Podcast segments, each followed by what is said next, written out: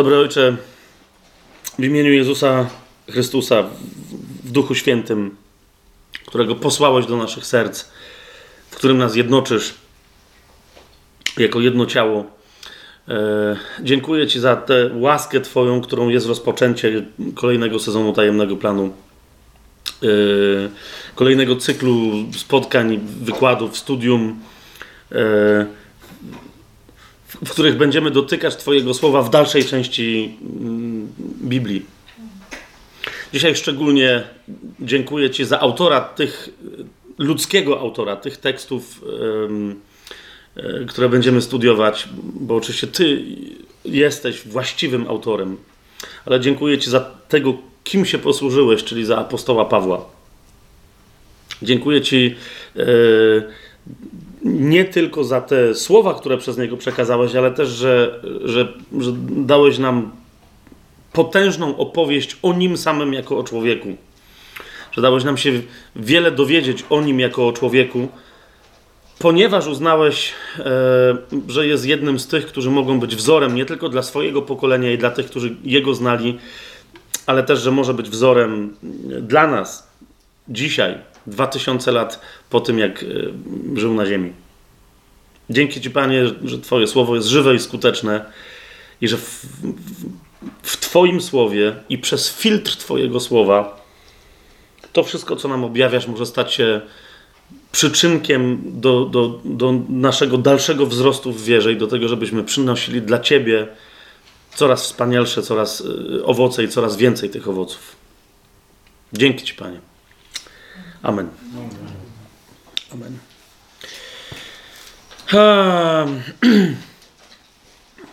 Poprzedni cały sezon 12 spotkań był poświęcony e, dziejom apostolskim i w zasadzie z mojego punktu widzenia to myśmy ledwo e, dziejów apostolskich liznęli, ale myślę, że było to wystarczające wprowadzenie do tej jednej księgi. Siódmy sezon jest wejściem w następne księgi po dziejach apostolskich, a te następne księgi to jest kilkanaście listów e, Pawła Apostoła, począwszy od listu do Rzymian. I teraz mm, w pewnym sensie, wchodząc w te listy, jednocześnie trochę będziemy musieli jednak jeszcze wrócić do dziejów apostolskich. Wyjaśnię dlaczego. Otóż. E, List do Rzymian, rozpoczynając cały wykład e, teologii i, i, i, praktycznego widzenia Kościoła przez Pawła, list do Rzymian zaczyna się e, od wskazania nadawcy, czyli autora listu. List do Rzymian, e, pierwszy rozdział, pierwszy werset, wskazuje, zresztą wszystkie listy, wiecie, w starożytności rozpoczynały się od e, sformułowania, y, opisania w miarę precyzyjnego, kto jest nadawcą y, i kto jest odbiorcą listu. My y, później straciliśmy trochę te konwencje, dlatego że nie wiem, czy w ogóle wy jeszcze, czy, czy wy już czasem nie, nie zapomnieliście tych czasów, no nie? Ale były takie czasy, że listy wysyłało się w kopertach pocztą. Eee, i, I, chodzi mi o to, że ten, chodzi mi o ten zwyczaj, tak? On, on troszeczkę już trwał, teraz się skończył. ale przez ten zwyczaj, pisanie nadawcy i pisanie odbiorcy, yy, ponieważ nadawcy i odbiorcę należało napisać na kopercie, to jakby wiecie, ta, te informacje zwykle wylatywały z, z wewnątrz listu. Tak? Teraz y, może trochę ten, ta koncepcja wraca, jeżeli się pisze informacje typu mail. E, I, i, i, więc na górze jest kto pisze, do kogo pisze, jaki jest temat e, wiadomości. I w starożytności trochę tak to wyglądało, czyli jak zobaczycie, większość listów ma jasno wskazanego nadawcę. No, są pewne wyjątki, gdzie z pewnych względów ten nadawca nie jest jasno wskazany, ale o tym jeszcze będziemy mówić. Jest jasno wskazany odbiorca. Zobaczcie w liście do Rzymian, nadawca się przedstawia jako pierwszy zawsze, Paweł, i potem dalej siebie yy, opisuje, a następnie odbiorca, siódmy werset, wszystkim, którzy jesteście w Rzymie umiłowanym Boga i tak dalej, i tak dalej. Tak? No i stąd wiemy, że jest to list kogo? Pawła do kogo? Do Rzymian. Do wszystkich Nie do wszystkich Rzymian, ale do wszystkich, którzy są nowonarodzeni, którzy są chrześcijanami w Rzymie.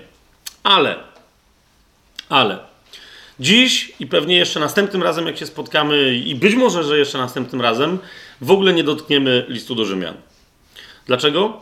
Ponieważ po, po poważnym zastanowieniu e, stwierdziłem, że unikniemy wielu niepotrzebnych rozważań, pytań, zastanowień, jakichś tam kwestii dodatkowych przy czytaniu listów Pawła, kiedy będziemy mieli jasność, nie tylko przekonanie, że mamy jasność, ale naprawdę będziemy mieli jasność co do tego, kto naprawdę jest autorem tych listów, czyli kto to jest Paweł. Okay? Kiedy zrozumiemy e, na tyle, na ile Biblia chce nam to objawić, a akurat w wypadku Pawła Biblia wiele nam objawia na temat jego życia, w odróżnieniu od mnóstwa innych osób, powiedziałbym, że, że w zasadzie w Nowym Przymierzu e, poza Panem Jezusem Paweł jest chyba najlepiej opisaną przez Ducha Świętego osobą. Więc rozumiecie, tego typu rzeczy y, pojawiają się w Biblii, tego typu wielkości, tego typu historie pojawiają się w Biblii nie bez przyczyny. Zgodzicie się ze mną. Tak? Jest Pan Jezus, potem niektórzy wręcz y, stawiają złośliwą oczywiście tezę, że w ogóle nie Pan Jezus, ale właśnie między, między innymi z tego powodu, że Pawła jest tyle e, w Biblii, chociaż jeszcze raz mówię, nie jest go tyle co Pana Jezusa, absolutnie. W ogóle nie są nawet porównywalne postaci, ale niektórzy uważają, że to Paweł jest twórcą chrześcijaństwa. Tak? Żydzi, e, bardzo wiele dzisiaj, e, bardzo wielu rabinów, którzy podejmują temat chrześcijaństwa jako kontrowersji pewnej, mówią, że a, w zasadzie Jezus to jest inna historia, a Paweł to jest inna historia. To Paweł jest twórcą chrześcijaństwa, powiadają. My między innymi tę tezę jakoś tam się do niej odniesiemy, bo to, to jest oczywista e, bzdura, e, ale no, czasem do, wydawałoby się oczywistych bzdur potrzebujemy się odnieść. E, no znów właśnie, żeby później się nie wdawać w niepotrzebne jakieś tam polemiki, trzeba po prostu pewne rzeczy uderzyć w korzeniu, żeby się potem w jakieś dalsze tezy nie, nie zapędzać. E, więc potrzebujemy, chociażby ze względu na tego typu dyskusje teologiczne, zobaczyć, co Paweł rzeczywiście wniósł, kim był, ale również, widzicie, e, Duch Święty mówi w listach Pawła przez Pawła. I teraz, niezależnie od tego, jak bardzo by się to wydawało oczywiste, musimy zrozumieć jedną rzecz, że Duch Święty wykorzystuje Pawła powiedziałbym, nie tylko po prostu, wiecie, jako, jako tubę, przez którą gada, ale wykorzystuje to, kim Paweł jest. Jest według mnie wiele momentów, które znacznie łatwiej jest zrozumieć, jak zobaczymy, wie, wiecie, jakby z, z historii o Pawle, jak usłyszymy jego głos. Jakim głosem on się posługuje, kiedy sobie żartuje, a kiedy mówi poważnie, kiedy jest rabinem, który, który studiuje pismo na sposób rabiniczny, a kiedy jest, yy, kiedy jest, jest wojującym z prawem chrześcijaninem, co powoduje, że może przejść swobodnie z jednego miejsca w drugie i tak dalej, i tak dalej, i tak dalej. Żeby, żeby zrozumieć. Wiele osób e, otwiera na przykład list do Rzymian, ale też inne listy Pawła i, i mówią: OK, dziękuję bardzo, nie czytam Pisma Świętego, bo w ogóle nic z tego nie rozumiem. Tak? równie trudne, a, a znam ludzi, którzy uważają, że nawet trudniejsze są dla nich listy Pawła niż na przykład e, Księga Kapłańska, Księga Liczb czy Księga Powtórzonego Prawa. Mówią, tam przynajmniej są opisane jak, jakieś rzeczy. Ja rozumiem, że tam jest jakiś kapłan, jakaś świątynia, coś tam się dzieje. No i ponieważ nie znam kontekstu, to dlatego tego nie rozumiem. Czytam Pawła i w ogóle nic nie rozumiem. Tak, tak powiadają. Więc jeszcze raz, Myślę, że przynajmniej częściowo to zamieszanie może wynikać z tego, że nie bardzo wiedzą, kto mówi, jakim głosem, jakim językiem się posługuje i jakimi tematami, z jakiego punktu widzenia e, się zajmuje. Jasne jest to, co mówię? Więc e, dzisiaj zaczynamy temat, który, e, gdybym miał, nie wiem, postawić, co jest tematem te, te, tego naszego studium, to bym powiedział, że jest to odpowiedź na pytanie, kim jest Paweł apostoł i jakie ma to znaczenie dla nas dzisiaj. Kim jest Paweł apostoł? Jakie ma to znaczenie dla nas dzisiaj? Podałem jedno z tych, wiedząc kim jest Paweł, bo jeszcze raz mówię, nie bez przyczyny Biblia tyle o jego historii życiowej opowiada, żebyśmy mieli tego nie wykorzystać. Wiedząc kim jest Paweł, możemy lepiej interpretować e, jego, jego pisarstwo, to co on przekazał e, w swoich listach. Ale Zwróćcie uwagę, że, że Paweł, ja się do tego jeszcze później odwołam, ale teraz na początku tylko wam przypomnę, że Paweł jest jednym z tych, jak niektórzy powiadają, bezczelnych autorów biblijnych, który, który mówiąc o naśladowaniu Chrystusa, mówi naśladujcie mnie. Nie mówi nie naśladujcie Chrystusa, ale mówi naśladujcie mnie tak, jak ja naśladuję Chrystusa. Dlaczego? Ponieważ być może dla niektórych z was naśladowanie Chrystusa, którego nie znaliście, będzie trudniejsze niż naśladowanie mnie, którego znacie. Wie, wiecie o co, o, o co, mi chodzi? On nie, nie stawia się ponad Chrystusa, ale mówi: Jestem uczniem, który z całą pokorą mówi: Tak, w wielu aspektach mojego życia jestem uosobieniem mocy Chrystusa tutaj na ziemi. Jeszcze raz powtarzam, z całą pokorą, nie z bezczelnością, Paweł to mówi. A więc, jeżeli wskazuje na siebie jako na wzór, i on jeszcze raz E, w, w, są też miejsca, w których komentuje to, w jakim sensie on jest wzorem. Jeżeli wskazuje na siebie jako na wzór, nie tylko mówi słuchajcie tego, co ja mówię, ale róbcie to, co ja robię, to dobrze jest przyjrzeć się temu, co Paweł robi. Amen? Amen. Okej. Okay. A więc kim jest Paweł apostoł i jakie to ma znaczenie y, dla nas dzisiaj? Pierwsza rzecz, od której myślę, że potrzebujemy zacząć, bo już w niej są zawarte bardzo istotne informacje, to jest, e, no dobrze, ktoś z Was może zapytać, ale w ogóle to my o kim mówimy? Paweł czy Szaweł? E, czy też jak słyszę, ja nie, nie wiem w ogóle skąd się ta historia wzięła, jak słyszę w niektórych księg, y, y, nauczaniach wręcz, a potem się okazuje, że z tych nauczeń wynika jakieś takie dziwne przekonanie, że to jest Szaweł, który stał się Pawłem. Tak? Szaweł, który stał się Pawłem.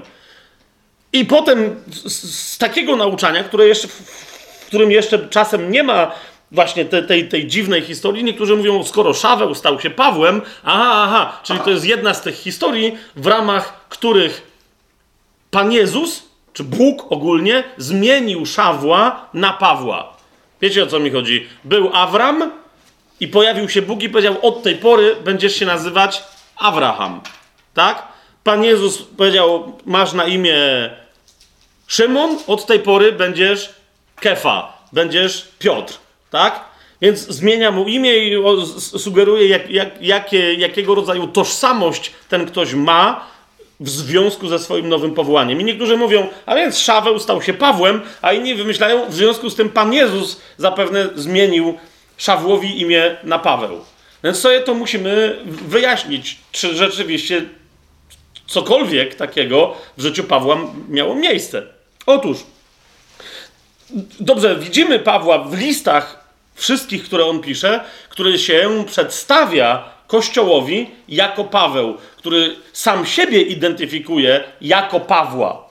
Ale z drugiej strony, jak sobie otworzymy e, dzieje apostolskie, to zauważcie, że, bo niektórzy na to się powołują, że, że Paweł pisze do pogan i dlatego do pogan przedstawia się imieniem pogańskim, to zwłaszcza w, w, takich y, niektórych, niektórych, nie wszystkich, ale w niektórych mesjańskich kręgach jest taka tendencja. Mówią, ale Szaweł nigdy nie przestał być Szawłem i powinniśmy go nadal nazywać Szawłem. Nawet wiecie, widziałem tłumaczenia yy, yy, dla pewnych, jeszcze raz mówię, pewnych nurtów yy, mesjańskich, tak zwanych, gdzie na przykład list do Rzymian rozpoczyna się od sformułowania, tłumaczenia, w ramach których właśnie Paweł, sługa Jezusa Chrystusa, otwarcie w tym tłumaczeniu brzmi Szaweł zwany Pawłem, je, sługa Jezusa Chrystusa. Dla mnie to jest, wiecie, ewidentnie zaburzenie oryginalnego tekstu, tak? Bo to już jest narzucenie przez kogoś jego interpretacji, że to Paweł miał na myśli. Może Paweł to miał na myśli, może nie miał. Duch Święty napisał, co napisał. Amen? Więc, ale, ale skąd się bierze to, bo mówię, bo możecie się z tym spotkać, skąd się bierze to przekonanie, że ale to zawsze jest Szaweł?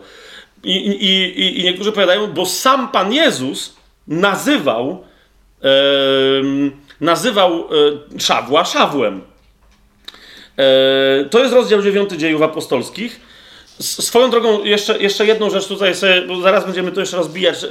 Ja czasem E, ktoś mi to e, zwrócił uwagę na to, że ja czasem mieszam. Chodzi mi o to, że e, po polsku na przykład imię Szaweł, no mamy imię Szaweł, w tłumaczeniu w Biblii Gdańskiej macie Saul, ponieważ to jest to samo imię Szaweł, to jest to samo imię, co imię króla Saula na przykład. To jest to samo imię. Teraz chodzi mi o to, że i Szaweł, i Saul to są tylko jakieś próby podejścia po polsku do tego imienia, bo w oryginale E, to imię brzmi Shaul, tak?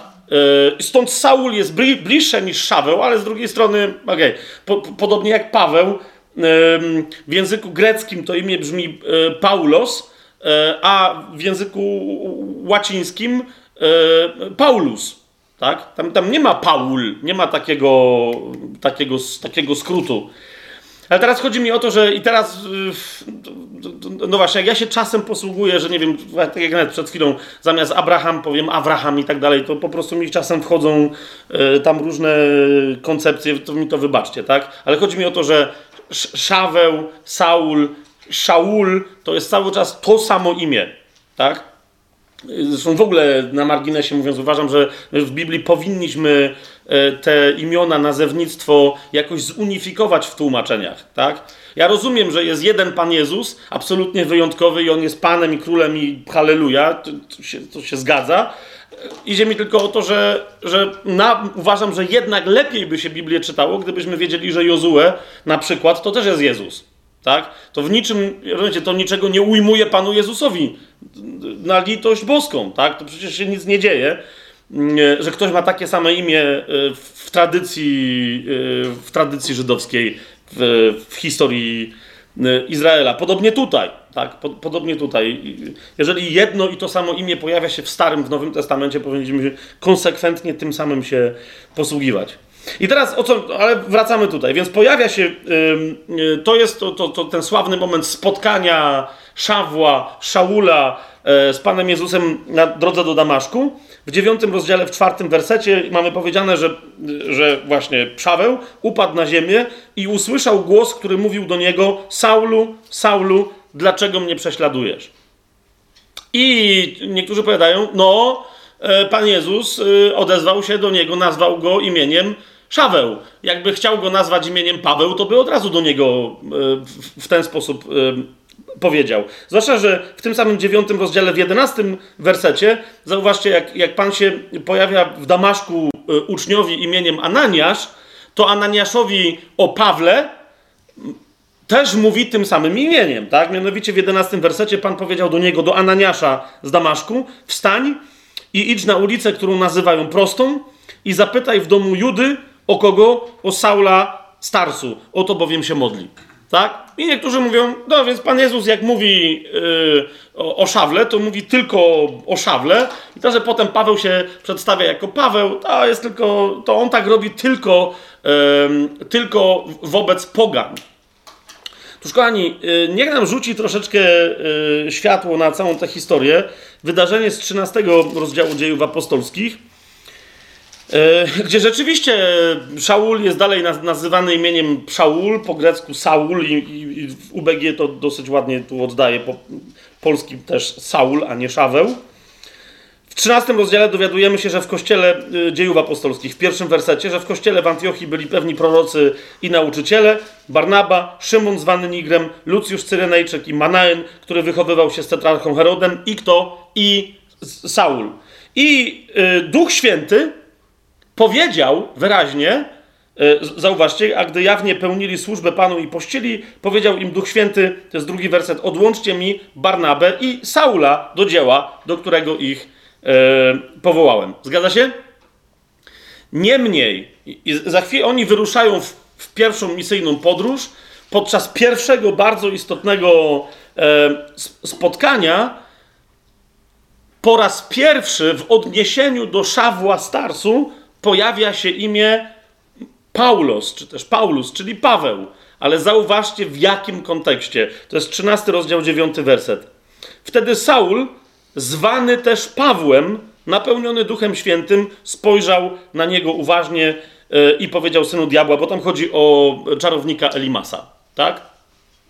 Więc teraz i, I w zasadzie od tego momentu, gdzie jest powiedziane, że Szaweł był zwany, i to jest bardzo istotne, że nie od tej pory, Szaweł, którego od tej pory w tej historii będziemy nazywać Pawłem, tylko Łukasz pisze, że to był Szaweł, który był zwany również Pawłem. Ok?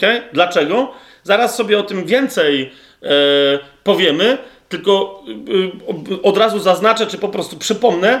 Pamiętajcie, że Paweł będąc Żydem, a więc w swojej diasporze, w swoim narodzie, mając imię Szaul, jednocześnie z urodzenia, i o tym za chwilę będziemy mówić więcej, był kim w cesarstwie rzymskim? Z urodzenia miał, z urodzenia, on nie był wyzwoleńcem, z urodzenia miał obywatelstwo rzymskie.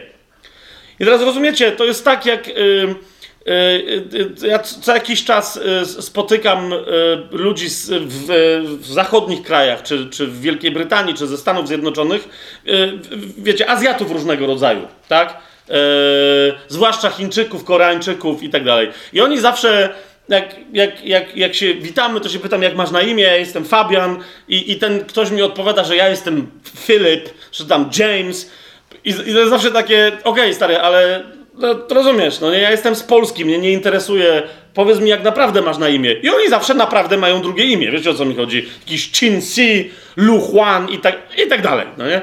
Więc idzie mi o to, że to jest normalna sytuacja. Dla swoich mają swoje imię, ale w ramach kultury, w której funkcjonują, mają inne imię. Jakby, wiecie, to jest żaden problem, że te dwa imiona funkcjonują równocześnie. Jasne to jest?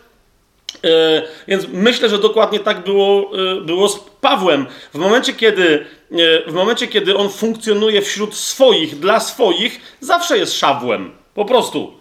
Tak? Natomiast funkcjonując w całej kulturze, bo zauważcie, że Paweł, to jest, to jest jedna z takich rzeczy. Czasem jak to mówię, to niektórzy się dziwią i robią takie oczy. To? Więc teraz też to powiem ciekawie, jestem, kto z Was się zdziwi. No bo oryginalnie Paweł był Turkiem. o, niektórzy widzę, że. O! Paweł był z jakiego miasta? Z Tarsu. Tars znajduje się gdzie? W Cylicji, czyli w krainie, która dzisiaj na, należy do. To jest, to jest południe Turcji. Tak? Nad Morzem Śródziemnym. To jest kraina, na, y, która się znajduje w, w Turcji. Tars, y, Tarsus y, łaciński. Oczywiście, że to wtedy nie było żadnych Turków tam. to był późniejszy Konstantynopol. co tam się stało? Okej, okay. tu widzę, że w ogóle jakieś dodatkowe objawienie się pojawiło. Ale chodzi mi o to, że, e, że zauważcie, Paweł się urodził e, w, miejscu bez związku. Zauważcie, on się urodził w kraju, z którego, żeby dojść do Izraela, trzeba było przemieścić się przez jeszcze inny kraj, czyli przez Syrię i jeszcze przez inny, czyli przez Samarię, jeżeli ktoś chciałby to poważnie potraktować, i dopiero wtedy można było wejść do, do Judy i, i dotrzeć do Jerozolimy. Rozumiecie o co mi chodzi? Więc on się urodził gdzie indziej, z pochodzenia, narodowości będąc Żydem, ale urodził się jako obywatel rzymski. Zaraz wyjaśnimy, mm, y, jak to jedno z drugim można, y, można pogodzić. E, na terenie późniejszej, no mówię, na terenie dzisiejszej Turcji. Tak? Więc ym, stąd mamy w tym 13 rozdziale 9 wersecie dziejów apostolskich, wtedy Saul zwany też Pawłem, napełniony Duchem Świętym, spojrzał na niego uważnie i tak dalej, i tak dalej. Teraz, dlaczego w historii Paweł staje się bardziej Pawłem niż Szawłem?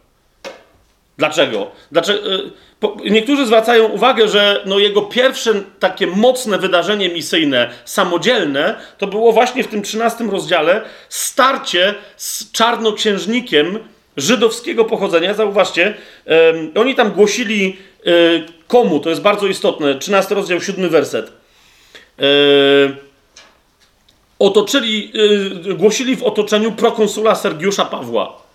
Swoją drogą zauważyliście, jak się prokonsul nazywał? To był, to był Sergiusz Paulus także, tak? Sergiusz Paweł. E, I teraz chodzi o to, że, że, że, że Szaul z Barnabą głosząc, ale jak później w dziejach apostolskich się dowiemy, głównym mówcą zawsze był Paweł, nie Barnaba, tak? E, dlatego Barnabę nazywali Jowiszem, a, a, a, Pawła, jak uważali w jednym czy w drugim miejscu, że to bogowie stąpili na ziemię. Tam mamy dwie takie historie w dziejach apostolskich. E, a e, Pawła nazywają posłańcem tym, który przemawia, czyli nazywają go Hermesem czy Merkurym i, i tak dalej, i tak dalej.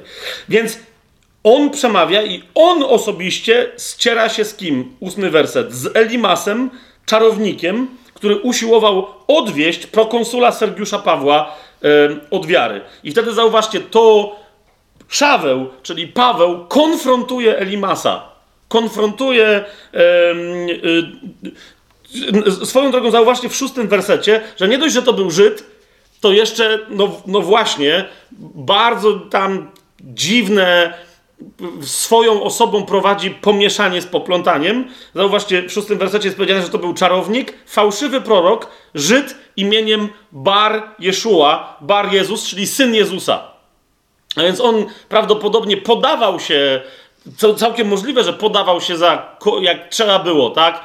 agnostykom za e, gnostykom za, za gnostyka, e, jakimś poganom za poganina, Żydom za Żyda, a chrześcijanom za chrześcijanina. Tak? Więc tam było, to było naprawdę mocne pomieszanie i dlatego w starciu z nim e, Szaul osobiście, tak, bo to jest osobiste starcie Szawła zwanego Pawłem z tymże Elimasem. E,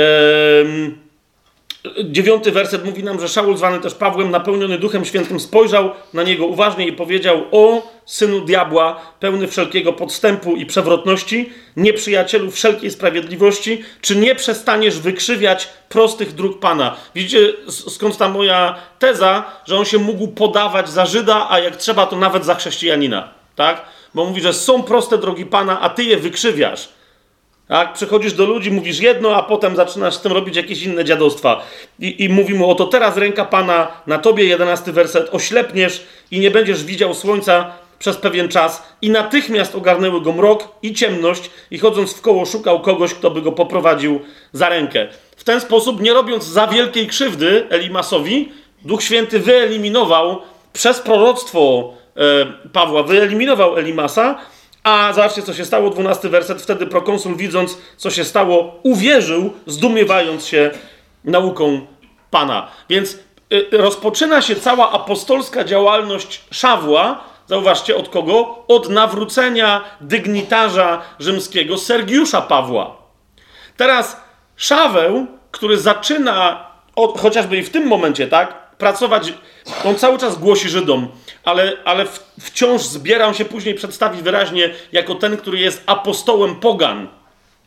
Zaczyna być bardziej znany wśród ludzi jako Paweł niż jako Szaweł. Pamiętacie, e, nawet w pewnym momencie żydowscy egzorcyści zaczynają próbować wyrzucać złe duchy, mówiąc w imieniu Jezusa, którego głosi Paweł. Tak? I, i tam demon y, synom Stewy mówi, no y, Jezusa znam, o Pawle słyszałem, a wy kto jesteście? Tak? Więc widać, że nawet Żydzi zaczynają mówić o, o Pawle jako o Pawle. On przyjmuje to imię jako, jako pierwsze, jako bezpośrednie i pod takim imieniem, yy, pod takim imieniem jest znany. Teraz niektórzy mówią, no ale Pan Jezus się odezwał do Szawła. Po pierwsze, Pan Jezus się odezwał do Szawła, kiedy on zasadniczo działał tylko i wyłącznie w środowisku żydowskim, Pamiętacie, szedł z Jerozolimy do Damaszku w Syrii, ale z jaką misją? Z misją od Sanhedrynu. Tak? Po co? Żeby chronić Żydów w swoim rozumieniu w Damaszku i diasporę żydowską przed czym? Przed odstępcami nazarejskimi, tak? Przed wyznawcami Pana Jezusa. Niemniej jest jeden bardzo interesujący szczegół, który, ponieważ Paweł o swoim spotkaniu z Jezusem na drodze do Damaszku mówi parokrotnie, i w jednej z tych relacji podaje jeden szczegół, który nam trochę rozjaśni, no dlaczego Pan Jezus, y, nawet wiedząc, że już w tamtym czasie Szaweł jest nazywany Pawłem, dlaczego go nazwał Szawłem. Spójrzmy sobie dzieje apostolskie, 26 rozdział. Zauważcie, to jest bardzo interesujące. Otóż w tym jednym konkretnym fragmencie Paweł, opowiadając o tym, jak się Jezus do niego odezwał, mówi, jakim językiem Jezus się do niego odezwał. Z 26 rozdział dziejów apostolskich, 14 werset. Powiedział, a gdy wszyscy upadliśmy na ziemię, usłyszałem głos mówiący do mnie po hebrajsku. Saulu, Saulu, dlaczego mnie prześladujesz? E, Pan Jezus oczywiście wiedział, że to jest Szaul, zwany także z łaciny Paulusem, czy z, Grek, czy, czy, czy, czy z greckiego Paulosem, ale czemu, skoro mówił do niego po hebrajsku, miałby do niego w ogóle mówić Pawle? Wiecie o co mi chodzi? Skoro ma hebrajskie chłop imię, a Jezus do niego zwraca się po hebrajsku, to do niego zwraca się jakim? Hebrajskim imieniem Szaul. Tak? Więc Pan Jezus, i, i, o tym Paweł wyraźnie świadczy, że ta ich rozmowa e, e, odbyła się, wszystko na to wskazuje, skoro Jezus do niego mówi po hebrajsku, to nie wyobrażam sobie, żeby Paweł, znający ten język, żeby mu odpowiadał po grecku. E, jasne jest to, co mówię?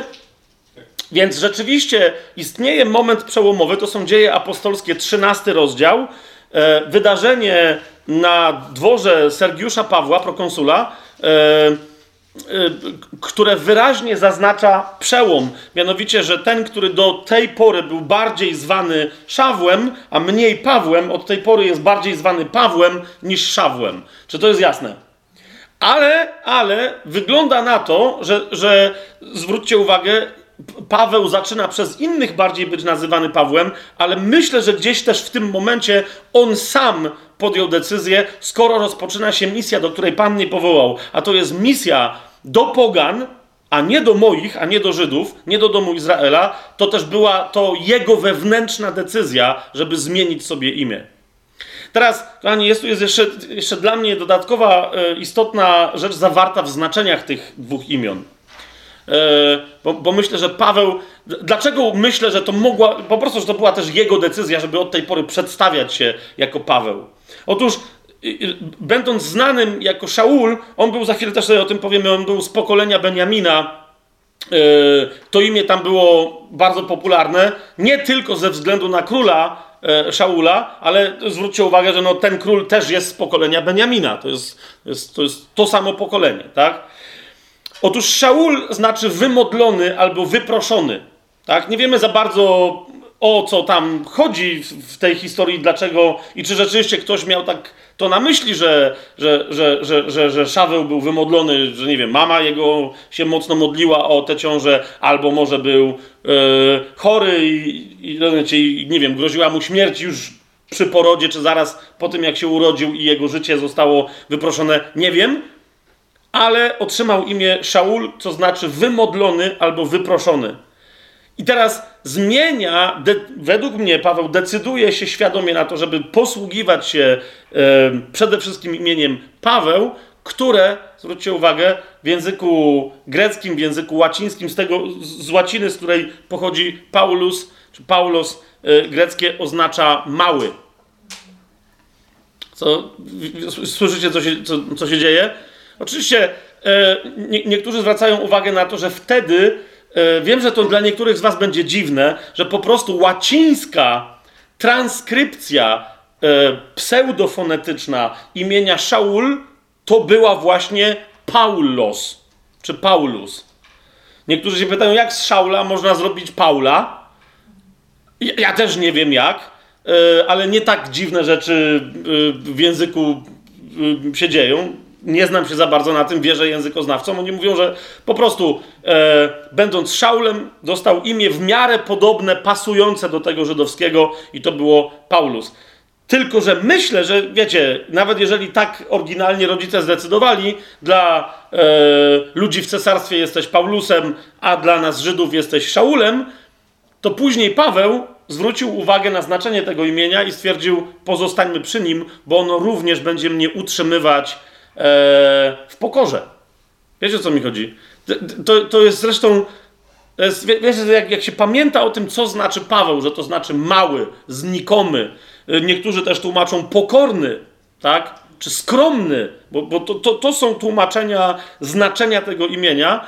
No to, to, to, to, to zauważcie, jak genialnie to brzmi, kiedy mówimy o wielkim Pawle. To jest w Biblii prawdziwie wielki mały człowiek. Hmm?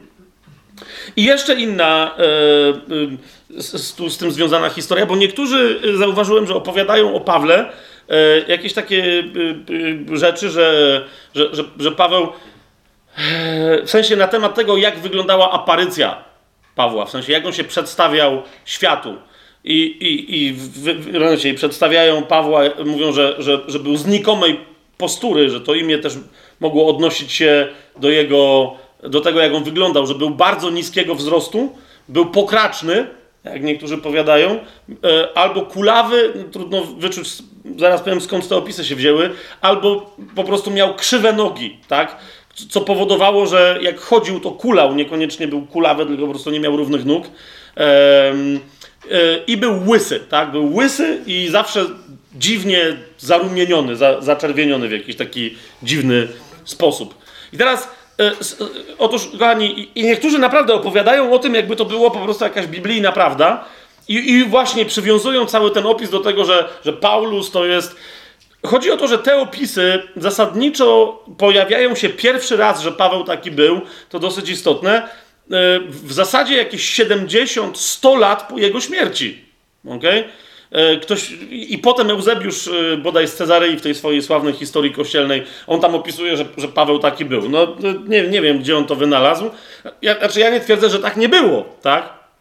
Jasne, że my sobie lubimy takie osoby wyobrażać jako e, raczej, wiecie, postawy heroicznej e, i tak dalej. Niektórzy twierdzą, że no Paweł w jednym i drugim miejscu mówi o sobie e, jako o płodzie poronionym E, czy jakby przedwcześnie narodzonym. Ale jeszcze raz, tam widać wyraźnie, że kontekst, w którym Paweł to mówi, nie odnosi się do jego fizycznej postury, tylko do jego stanu ducha, wiecie o co mi chodzi, i tego, jak późno się e, nawrócił. Zwłaszcza, że, o czym też jeszcze będziemy mówić, mógł się z Panem Jezusem i z jego nauczaniem spotkać znacznie wcześniej, e, jeszcze kiedy Jezus żył i kiedy głosił w Jerozolimie. Ale jeszcze raz, Biblia nigdzie nam nie opowiada o tym, mimo że potężne, potężny, wiecie, blok opisujący Pawła i jego historię i tak dalej, z jakiegoś powodu Duch Święty pomija to, jak on wyglądał. Tak? Więc jak się z tym gdzieś spotyka, spotkacie w jakimś nauczaniu i tak dalej, to ja jakoś nie jestem bardzo temu przeciwny, tylko chodzi mi o to, żeby za bardzo się do tych opowieści nie przywiązywać, bo po prostu, bo tego, yy, tego w Biblii yy, nie mamy. Jasne? Szaul wymodlony, stał się Paulusem, Paulosem. Teraz jest oczywiście jeszcze jedna bardzo istotna rzecz, mianowicie czy bardziej Paulus, czy bardziej Paulus. E, bo mówią wszyscy, że no, Biblia jest napisana, w sensie Nowy Testament jest napisany w Grece koine, więc w tej Grece koine to jest Paulos, e, no ale on był obywatelem rzymskim, więc musiał się nazywać Paulus.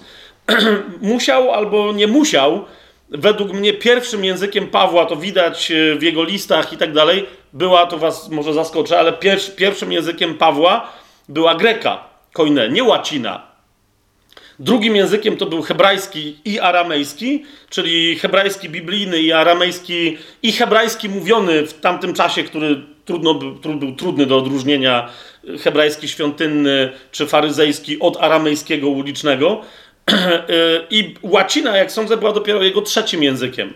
Więc, więc, więc to tak czy siak był bardziej Paulos niż Paulus, jeżeli już mielibyśmy się o to, e, o to spierać. Pamiętajcie, że, że będąc obywatelem rzymskim, nie był z Półwyspu Apenińskiego. On to, to, to, wiecie, to nie był Rzymianin, tak? To był obywatel imperium, a imperium zwłaszcza e, tam skąd on był, czyli, czyli w Cylicji, e, mówiło Grekom, tak? I zauważcie, że najwięcej działalności Pawła jako misjonarza to jest działalność y, w Grecji, Macedonii, czyli w miejscach, z których język grecki w ogóle się wywodził. Jasne jest to, to, to co mówimy? Za chwilę powiem, jak, dlaczego to jest dla nas istotne, ale, ale jeszcze raz pamiętajcie, e, Paweł jest obywatelem rzymskim, mówi po grecku fantastycznie, ale mówi też w innych, e, e, w innych językach. Teraz kiedy mówimy o Pawle, kolejna rzecz, którą chciałbym e, się zająć, to jest ile Paweł w ogóle ma lat. W różnych e, tych historiach, e, które czytamy. Sobie otworzycie Dzieje Apostolskie, siódmy rozdział. E, tam mamy taką specyficzną wzmiankę, która powoduje, że niektórzy rozpoczynają jakieś dziwaczne przeliczenia. Tak? Siódmy rozdział Dziejów Apostolskich, 58 werset E, to jest scena ukamienowania Szczepana. E, powiada tak, że wyrzucili go, czyli Szczepana, poza miasto i kamienowali. a świadkowie złożyli swoje szaty u stóp młodzieńca zwanego Szaulem. To jest nasz bohater, tak? Naszego dzisiejszego e, wykładu, naszego dzisiejszego studium. To jest, jak niektórzy powiadają, pierwsze miejsce, w, który, w którym Szaweł, czyli Paweł w Biblii się pojawia. Z tym się zgadzam, że jest wprost z imienia wskazany, ale według mnie to nie jest pierwsze miejsce. Znaczy inaczej. Tak, to jest ewidentnie oczywiste pierwsze miejsce, w którym się pojawia, ale być może nie do końca aż takie pierwsze. Okay? O, o, o, czym, o czym za chwilę. Ale teraz o co mi chodzi? O ten wyraz wyrzucili go poza miasto i kamienowali, a świadkowie złożyli swoje szaty u stóp kogo? Młodzieńca zwanego Szawłem. Teraz, wiecie, słyszałem na tej podstawie nieświadome rozważania paru osób, którym potem zapytałem, skąd mają taką koncepcję, którzy przedstawiali Pawła tu, w tej scenie, jako kogoś, kto nie do końca był rozsądny. Potem Paweł mówi, że on trochę działał w nieświadomości, w niewierze. I oni mówią, że on tu był bardzo młody, że on tu miał 18, może 20 lat i dlatego e, po prostu był głupi i, i taki rozpędzony, i taki agresywny. E, otóż, kochani, e, pierwsza bardzo istotna dla nas rzecz, tak? To słowo, które się tutaj pojawia, ono jest bardzo rzadkie. W Biblii pojawia się chyba tylko trzy czy cztery razy i, po, i, chyba tylko w dziejach apostolskich na określenie młodzieńca. Według mnie to jest kompletne nieporozumienie tłumaczyć ten, ten wyraz słowem młodzieniec. Bo my mamy takie Wiecie, ja czasem do swojego y, siostrzeńca, czy o swoim siostrzeńcu mówię, że jest młodzieńcem, tak? Że jak tam młodzieniec. Rozmawiam z moją siostrą i mówię, jak tam młodzieniec, tak? E, bo, a, a, Patryk teraz ma kilka tam 16 czy 18 lat, nawet nie pamiętam ile on teraz ma lat, ale rozumiecie, to już nie jest chłopaczyna jakaś taka malutka, ale on jeszcze nie ma 21, 2 lat, tak? E, więc mówię o nim młodzieniec. I my tym słowem często się tak posługujemy. Młodzieniec to jest nastolatek, może wczesne lata dwudzieste.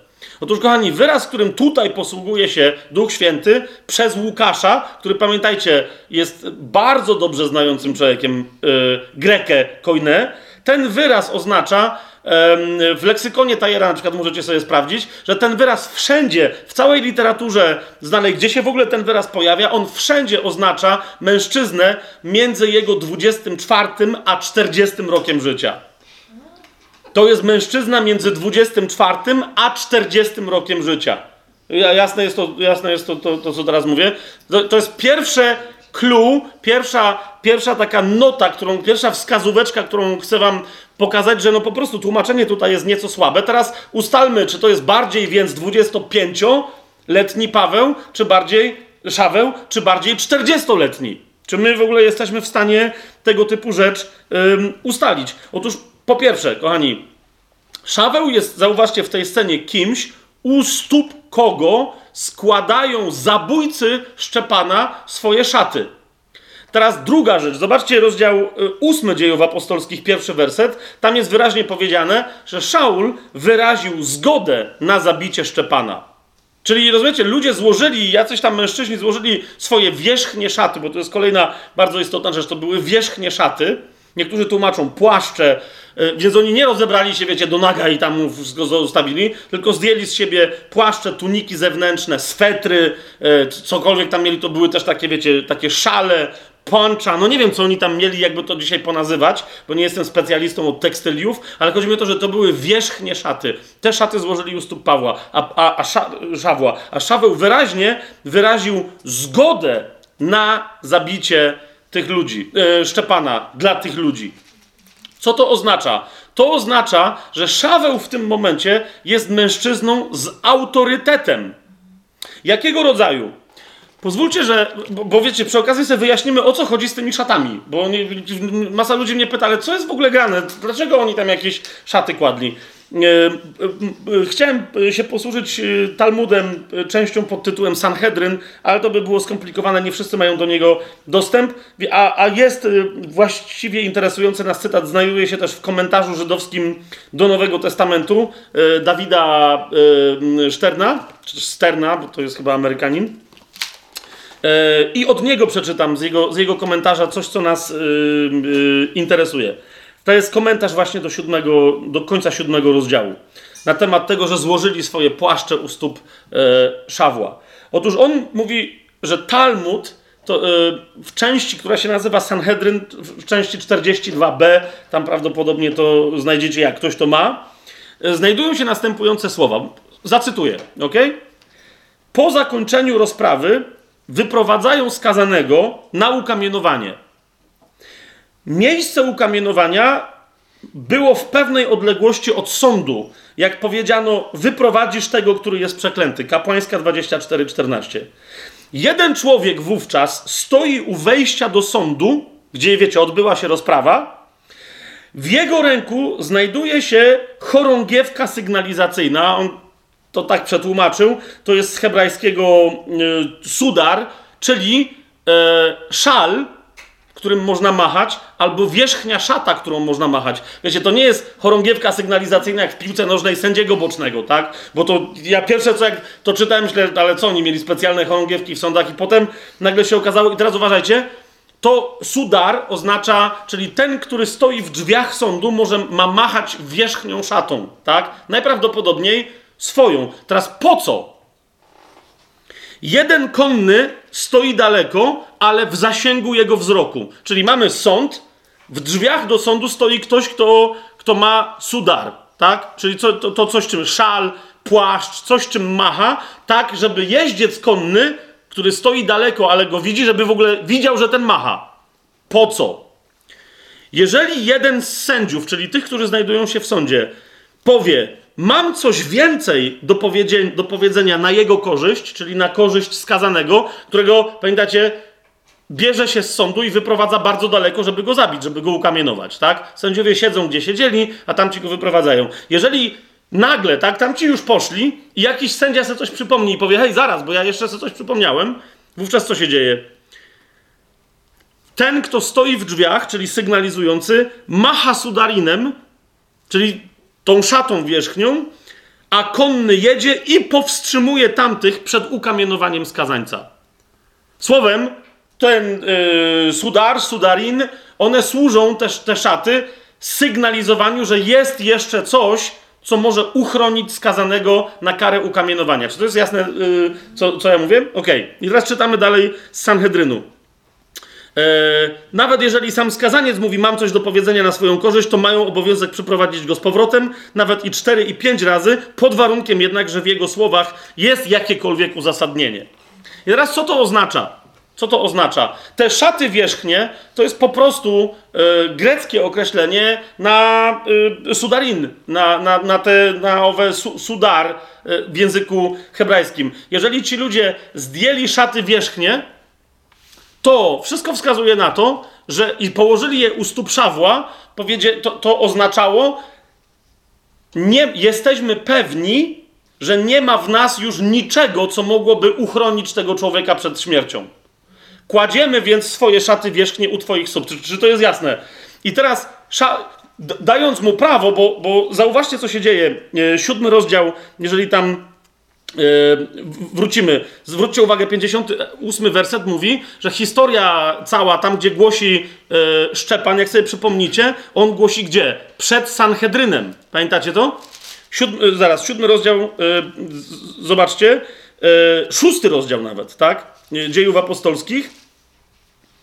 Mówi, że, yy, yy, że Szczepan tam głosił, wystąpili jacyś tam przeciwko niemu, yy, a doszło do rozprawy, nie, mimo fałszywych świadków, nie dali mu rady w szóstym rozdziale i pod koniec szóstego rozdziału jest powiedziane, że Szczepan stoi przed Sanhedrynem w piętnastym wersecie, a wszyscy, którzy zasiadali w Radzie, to jest Sanhedryn, przyglądali mu się uważnie i zobaczyli, że jego twarz jest jak oblicze anioła. A więc cały siódmy rozdział, cała mowa Szczepana się dokonuje przed Sanhedrynem. No więc jest to jasna sprawa, że nawet jeżeli to nie było w świątyni, to było wewnątrz murów Jerozolimy. Jasne? I teraz, zobaczcie, w 58 wersecie mamy powiedziane, że jak się już na niego wkurzyli, w 57 wersecie powiedziane, podnieśli wielki krzyk, zatkali sobie uszy, jednomyślnie się na niego rzucili i 58 werset, wyrzucili go poza miasto i kamienowali. A świadkowie złożyli e, szaty u stóp młodzieńca zwanego e, Szawłem. Szaweł mógł stać w pewnej odległości od miejsca kamienowania. Ok, oni złożyli te szaty u jego stóp, według rozumienia tego, o czym mówi Talmud Sanhedrin, tak? E, złożyli, żeby powiedzieć, my już niczego nie będziemy mieli, ale jeżeli ty będziesz coś miał, albo nie wiem, ktoś jeszcze da znać, wiecie o co chodzi, ktoś jeszcze da znać, nie wiem, z Sanhedrynu, że jeszcze jest coś, żeby go uchronić, chociaż tam był taki szał, że nikt na to nawet widzicie, że nawet nie, nie zamierzał liczyć, tak? Ale to było jasne, kładziemy swoje szaty u twoich stóp, ty jeszcze ewentualnie możesz powstrzymać to, co się teraz dzieje, jeżeli ty się staniesz tą sudarin, tą chorągiewką. Rozumiecie o co mi chodzi? Jeżeli ty zamachasz i powiesz, hej, zaraz, mam jeszcze coś, co może uchronić tego skazańca, to wtedy to nas powstrzyma. Ale oni złożyli swoje szaty u jego stóp, a Szaweł co zrobił? Ósmy rozdział, pierwszy werset, a Szaul wyraził zgodę na jego zabicie. Rozumiecie? Założył ręce, tak myślę, że to wyglądało. Znaczy nie wiem, czy tak założył jak ja teraz, może je skrzyżował na piersiach, ale wyraźnie pokazał, niczym nie macham, zabijajcie go. Ok? Teraz, kochani, to jest ktoś, kto ma władzę. To jest ktoś, kto reprezentuje wobec tego kamienowania Sanhedryn. To jest ktoś, kto w imieniu Sanhedrynu wyszedł z tymi zabójcami, z całym tym motłochem na e, zewnątrz Jerozolimy. Sanhedryn został w Jerozolimie, ale on ewidentnie ten Sanhedryn reprezentuje. Jest, jest, to, jest to jasne, co mówię? To jest ktoś, kto jest u władzy. Ci ludzie rozpoznają jego władzę, dlatego u jego stóp kładą te szaty, a on jest kimś, o kim wszyscy wiedzą, że to on ostatecznie wyraził zgodę, a więc rozumiecie, on musi mieć w ramach tego religijnego porządku prawo do wydania tej decyzji ostatecznej w obliczu e, kamienowania Szczepana. Dla tych z Was, którzy mieliby jeszcze jakąś wątpliwość, zaraz wyjaśnię, dlaczego to jest dla nas istotne. Zobaczcie 26 rozdział yy, Dziejów Apostolskich gdzie Paweł y, wyraźnie mówi o sobie, że był członkiem Sanhedrynu. Wobec tego wszystkiego, co już mamy teraz do tej pory powiedziane, to, to, to naprawdę to nie ma żadnej innej możliwej interpretacji. On mówi wprost, to jest 26 rozdział, 10, y, 11 werset, mówi y, tak też czyniłem w Jerozolimie, gdzie wielu świętych wtrącałem do więzienia, wziąwszy upoważnienie od naczelnych kapłanów, no i on, ktoś powie, no on tylko reprezentował, ale nie, nie, nie, zauważ jak się kończy to zdanie. Mówi, a kiedy skazywano ich na śmierć, głosowałem przeciwko nim. Co to oznacza? Że kiedy odbywał się w Sanhedrynie, w Radzie, sąd nad tym, czy kogoś skazać, czy nie, to Paweł był wśród tych, którzy mieli prawo głosu. I on głosował przeciwko temu, żeby żyli, czyli głosował za ich śmiercią. Jest to jasne? I on to mówi wprost. On to mówi wprost. E, w innych miejscach e, mówi, że, że, że członkowie Sanhedrynu go dobrze znają i mogą to wszystko potwierdzić. Tak, nie będziemy teraz do tego się, mm, nie będziemy teraz do tego się odwoływać. A zatem, kochani, co to oznacza? To oznacza, że Szaweł nie ma więcej niż 40 lat, kiedy się dokonuje, e, wróćmy do siódmego rozdziału, kiedy się dokonuje ten, ten, ten parszywy Mm, e, wyrok śmierci, kiedy się wykonuje na szczepanie, nie ma więcej niż 40 lat, ale uwaga, nie może mieć mniej niż 30 lat. Dlaczego? Ponieważ nikt w Izraelu nie mógł wejść do, rozumiecie, rozpocząć w ogóle kariery rabina, zacząć brać udział świadomy jako mężczyzna w strukturach nauczania, przestrzegania prawa, reprezentowania religii jako faryzeusz, dopóki nie skończył 30 lat. Tak? To, to jest jasne dla, dla wszystkich. Pan Jezus dlatego czekał, aż skończy 30 lat i wtedy dopiero rozpoczął swoją publiczną służbę. To samo e, e, z, z Szawłem, który był, wiecie, który był faryzeuszem, więc przestrzegał prawa, o tym jeszcze też dzisiaj więcej sobie wspomnimy, absolutnie do samego, no wiecie, do, do, co do Joty, nie mógł zacząć wcześniej swojej działalności niż mając 30 lat. Teraz jest pytanie, czy on tu ma 30 lat? Nie, stawiam na to, że on tu jest mniej więcej 35, 37, może 33. On ma, on ma tu więcej, mniej więcej między 33 a 37, 8 lat. Tak? Dlaczego? Ponieważ nikt by nie powierzył mu tego rodzaju odpowiedzialności zaraz po tym, jak on zaczął publiczną działalność. Rozumiecie o co mi chodzi? Skończył 30 lat i nagle bam, bam, super. Nie, on się musi całemu temu systemowi przysłużyć, pokazać, zademonstrować, musi być sprawdzony. A więc musiał robić pewne rzeczy dla Sanhedrynu, żeby w ogóle wejść do rady. Rozumiecie, to nie jest tak, że skończył 30 lat i go tam przyjęli. Okej, okay, to był uczeń bardzo prominentnego członka Sanhedrynu, o czym też za chwilę, ale chodzi mi o to, że jeszcze raz, nie mógł mieć tylko i wyłącznie 30 lat. Stąd stawiam 33, 34, 35, najmniej. Jasne to jest? Nie może mieć więcej niż 40, bo jest nazywany młodym mężczyzną, no, czyli z, z, greckiego, czyli nie może mieć więcej niż 40. Jest jeszcze inny powód, dla którego nie może mieć więcej niż 40. Ale teraz wiecie, co to oznacza, to co teraz powiedziałem? Że jest rzeczą całkiem możliwą, to będzie dosyć dziwne. Dokładnie. Że Szaweł, Paweł jest rówieśnikiem Jezusa. Hmm? Że on dokładnie wtedy przeszedł na świat, co Jezus, tylko Jezus wiemy w Betlejem, a on e, w Tarsie, w Cylicji. E, potem Jezus umiera w wieku mniej więcej 32-33 lat. To wszystko się dzieje jakieś 2-3 lata po śmierci Pana Jezusa. Tak? No bo e, wiecie, dzieje apostolskie są dosyć szybkie i jak to jeszcze dzisiaj zobaczymy, Łukasz często nie zaznacza na przykład, że między jedną a drugą rzeczą minęły 3 lata. Tak? Tylko po prostu mówi, to było to, potem było to, potem było to i jeszcze zaraz było coś innego. Tak? Ale jak zobaczycie, jak y, pewien proces wyglądał, to między y, y, drugim rozdziałem dziejów apostolskich, zstąpieniem Ducha Świętego, nawróceniem e, oprócz tych pierwszych 120 e, osób, 3000 ludzi i tak dalej, do momentu, kiedy Szczepan umiera, są różne przeliczenia, ale to są mniej więcej 2-3 lata. Tak? Czyli to jest mniej więcej e, dwa, no to są też 2-3 lata po śmierci i zmartwychwstaniu Pana Jezusa, który tu być może miałby jakieś 35 lat, a tu nagle okazuje się, że mamy Szawła, który ma prawdopodobnie jakieś 35 lat. Tak? Więc widzicie, z, z, tego wiek Pawła później, ile on ma, kiedy umiera, to jeszcze do tego, zanim dojdziemy, to jeszcze trochę potrwa. Yy, ale widzicie, jeżeli, bo Paweł na pewno nie przeżywa Nerona, to jest to, że, że, że my często nie wiążemy tych historii, które są w Biblii, z, z, z historią w ogóle znaną, wiecie, z, z kart historii takiej światowej.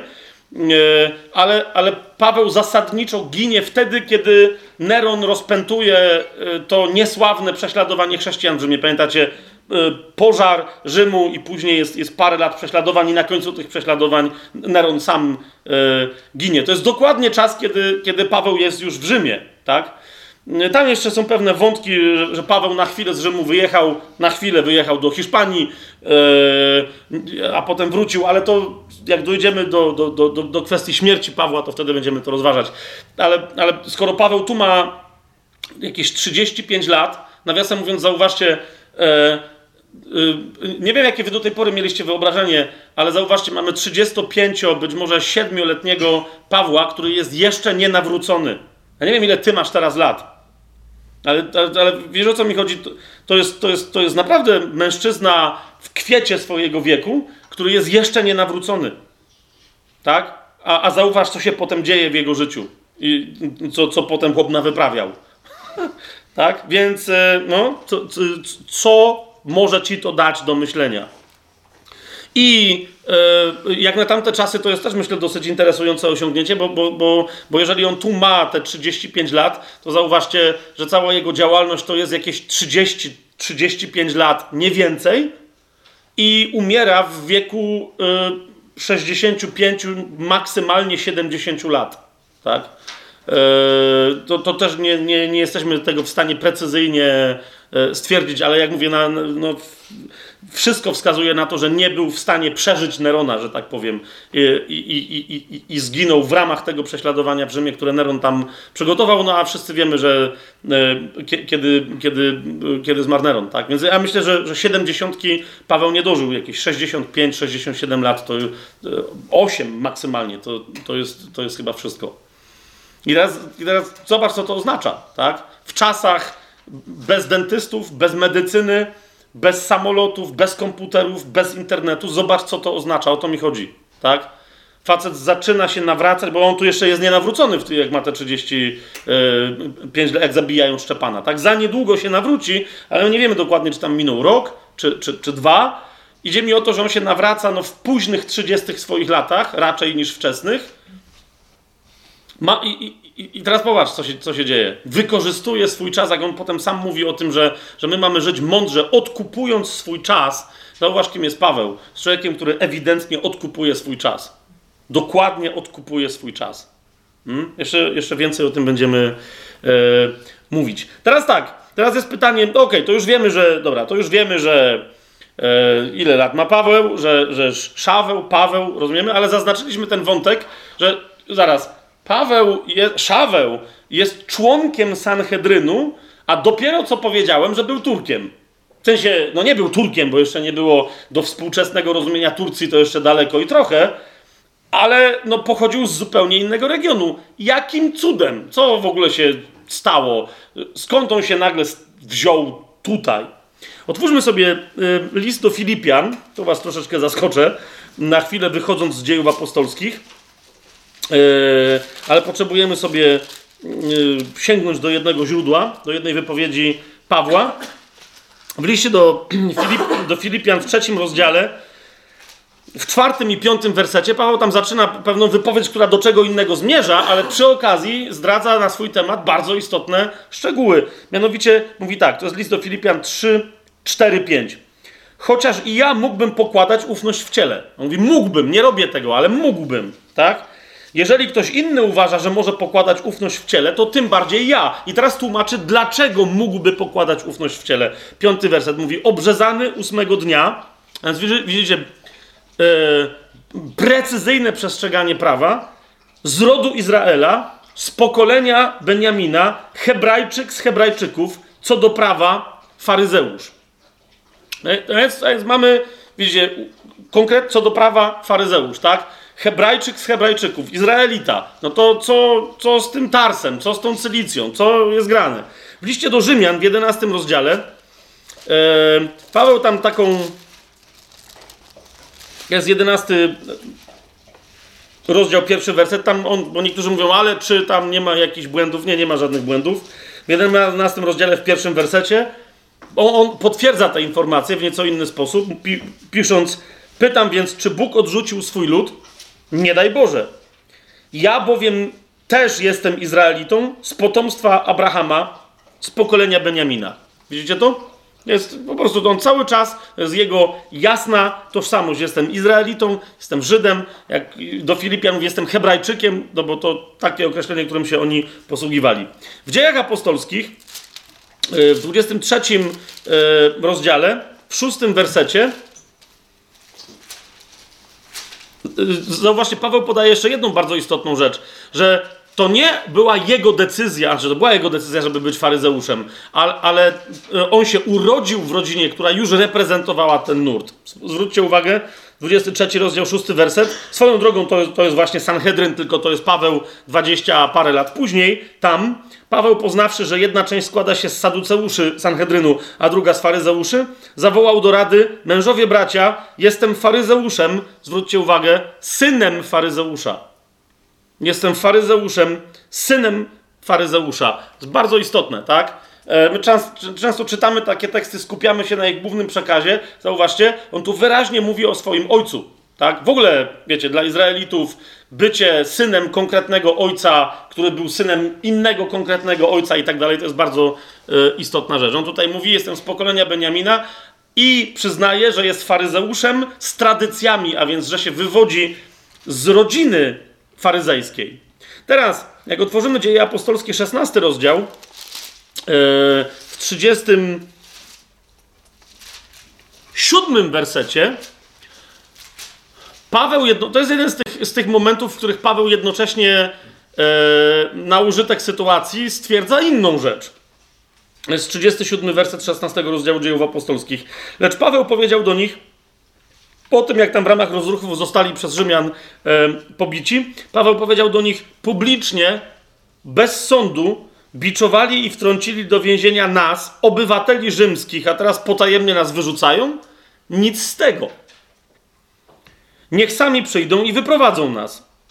Słudzy miejscy przekazali te słowa pretorom, a gdy tamci usłyszeli, że owi są Rzymianami, przestraszyli się Przyszli, przeprosili ich i wyprowadziwszy, prosili, aby opuścili miasto. To jest jedna konkretna wzmianka w dziejach apostolskich, gdzie Paweł mówi, ale ja też jestem Rzymianinem, jestem obywatelem rzymskim. I teraz mamy jedną bardzo istotną e, historię, to jest 22 rozdział dziejów apostolskich, która nam wiele mówi na temat e, tego Pawłowego obywatelstwa. To jest 22 rozdział, 24 werset. To, to już się dzieje w Jerozolimie, gdzie Pawła chwytają Rzymianie. No i skoro Żydzi mają coś przeciwko niemu, chodzi o świątynię, to oni myślą, że to jest Żyd.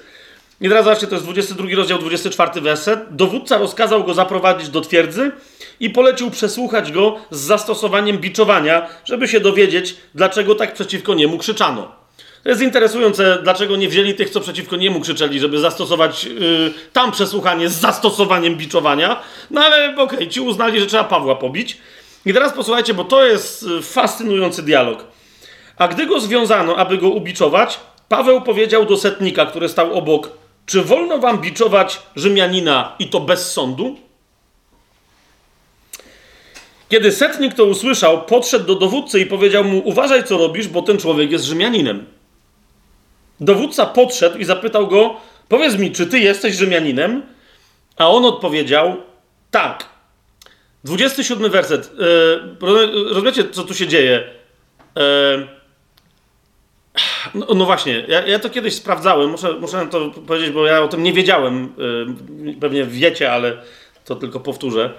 Mianowicie, jeżeli ktoś w Rzymie stwierdzał nieprawdę co do swojego obywatelstwa rzymskiego, a więc udawał, że jest obywatelem rzymskim, zwłaszcza wobec publicznego przesłuchania, w ramach którego padało dokładnie to pytanie: czy ty jesteś Rzymianinem? Rozumiecie, to jest pytanie prawne. To tutaj ten człowiek stosuje, rozumiecie, staje w majestacie prawa i mówi mu, czy ty jesteś Rzymianinem? Czy stwierdzasz w obliczu, pamiętacie te wszystkie dokumenty w Polsce, wiecie o co mi chodzi? Tam się podpisuje, że, że składając ten podpis niniejszym deklarujesz, że znasz wszystkie tam przepisy i, i w razie czego, jeżeli złożyłeś fałszywe opinie na, nie wiem, zeznaniu podatkowym, na czymkolwiek, ci, grozą ci straszne kary. Otóż jeżeli ktoś zostałby złapany w Cesarstwie Rzymskim na publicznym oświadczeniu, zwłaszcza w tego typu sytuacji, oświadczeniu, że jest Rzymianinem, a nim nie był, należało go ciężko torturować, a potem pozbawić go życia zaraz po tym, jak to wyszło. Tak? Z zaraz po tym. Więc chodzi mi o to, że to historia jest krótka, ale oni to musieli sprawdzić. Być może, że wcześniej to też było sprawdzone i szybko się okazało. Paweł też mógł mieć, wiecie, przy sobie dokument potwierdzający to, że on jest obywatelem e, rzymskim. Więc tu się odbywa, nie jest taka scenka, że ktoś go pyta, jesteś obywatelem? Mówi, o tak. Skąd to moje przekonanie, że Paweł mógł zademonstrować coś na dowód, że nie odbyła się żadna sprawa? Więc pada pytanie prawne, czy ty jesteś Rzymianinem? I Paweł stwierdza tylko i wyłącznie tak, ponieważ w ramach tego przesłuchania odpowiedź brzmiała albo tak, albo nie. To było, nie było żadnych innych wypowiedzi. Jeżeli powiedział tak, to albo podpisał na siebie wyrok, albo jest Rzymianinem. I wtedy zauważcie, powiedział dowódca, ja kupiłem to obywatelstwo. Teraz chodzi o to, że tu po grecku jest, znaczy w sensie jakie. Być może to, o którym Paweł po prostu mówi, ale być może, że on też, wiecie, jakby odbył się dłuższy dialog, na opisywanie którego Łukasz uznał, że nie ma sensu i nie ma czasu tutaj, ale że odbył się dłuższy dialog, w ramach którego e, Paweł zademonstrował coś, wiecie, jakiś papier, cokolwiek, tak? I teraz na widok tego czegoś, tego dowodu, słyszy ten, ten komentarz, ja kupiłem w 28 wersecie, ja kupiłem to obywatelstwo za wielką sumę. Tak? Na to Paweł odpowiada i to jest bardzo istotne, a ja mam je od urodzenia. To jest ktoś, kto nie jest wyzwoleńcem, który stał się obywatelem rzymskim, ale ktoś, kto się urodził w rodzinie, która musiała się, za, wiecie, to była rodzina Żydów, już się dowiedzieliśmy, faryzeuszy, tak? E, z, z Cylicji. Więc to była rodzina, która jednocześnie musi. Być może ktoś, być może ojciec, być może dziadek Pawła, nie wiem, walczył w legionach, wiecie, zrobił coś takiego, za co został wyzwolony i stał się obywatelem rzymskim. Tak? Jest jedna postać, jest bardzo interesujące. E, pamiętacie, jest taki jeden zawodnik. U którego Paweł przebywa trochę tracąc czas, ale nie może nic zrobić, jak już jest w drodze do Rzymu, jest przesłuchiwany przez niejakiego Feliksa. Pamiętacie to? Jest powiedziane, że, że, że, ten go dwa lata trzymał, Pawła, bo liczył, że Paweł mu zapłaci jakieś pieniądze, żeby się wykupić. Teraz yy, o co chodzi? Ja kiedyś sprawdzałem postać tego Feliksa, bo dzieje apostolskie na różne sposoby sprawdzałem i do historii przeszedł jako człowiek, Obczajcie, to jest tam, wiecie, wysoko postawiona postać w Cesarstwie Rzymskim. Do historii przeszedł jako człowiek, który rządził, tam nie pamiętam, któryś z historyków tak o nim napisał, że rządził okrutnie jak król z duszą niewolnika. Myślę, Co jest, no i to widać, tak? Ma więźnia i oczekuje, że ten więzień, który mu mówi o zmartwychwstaniu, o Jezusie, że się będzie wykupywać jakimiś pieniędzmi. Otóż Felix, który sądzi Pawła, który jest obywatelem rzymskim, e, przesłuchuje go, który jest obywatelem rzymskim e, z, z, urodzenia, Felix był wyzwoleńcem cesarzowej, tam już nie mniejsza o to której, tak? A więc rozumiecie, nawet wysoko postawieni ludzie w cesarstwie niekoniecznie mieli pochodzenie, w sensie obywatelstwo rzymskie z urodzenia. Tak? To było, jeżeli to był Rzymianin, który nie jest wyzwoleńcem, ale wręcz ma tradycję obywatelstwa rzymskiego, wow, to było coś bardzo, bardzo poważnego. Teraz, jeszcze raz zauważcie, jak nam to dodaje do tego, kim jest Paweł. Paweł się wychowuje w środowisku, które mówi fantastycznie greką koine, które mówi całe y, imperium. To jest ktoś, kto zna świetnie historię, tradycje rzymskie, ponieważ wywodzi się z rodziny, w której obywatelstwo rzymskie jest czymś oczywistym, to znaczy nie nabytym dopiero co. I jednocześnie jest Żydem. Zauważcie, jak wiele tradycji, naturalnie historii, e, koncepcji, e, szkół intelektualnych, e, języków w tym jednym człowieku się wiąże. Dlaczego o tym mówię? Jeszcze będę to dalej rozwijać. Również w tym kontekście, że, że Paweł się posługuje, wiecie, tym, tym swoim obywatelstwem rzymskim i mówi, no i co? Ej, jestem obywatelem rzymskim, kiedy trzeba. A kiedy staje przed Żydami, mówi, ja jestem faryzeuszem, synem faryzeusza. I zauważcie, nigdzie Biblia za to zachowanie go nie gani. Nigdzie.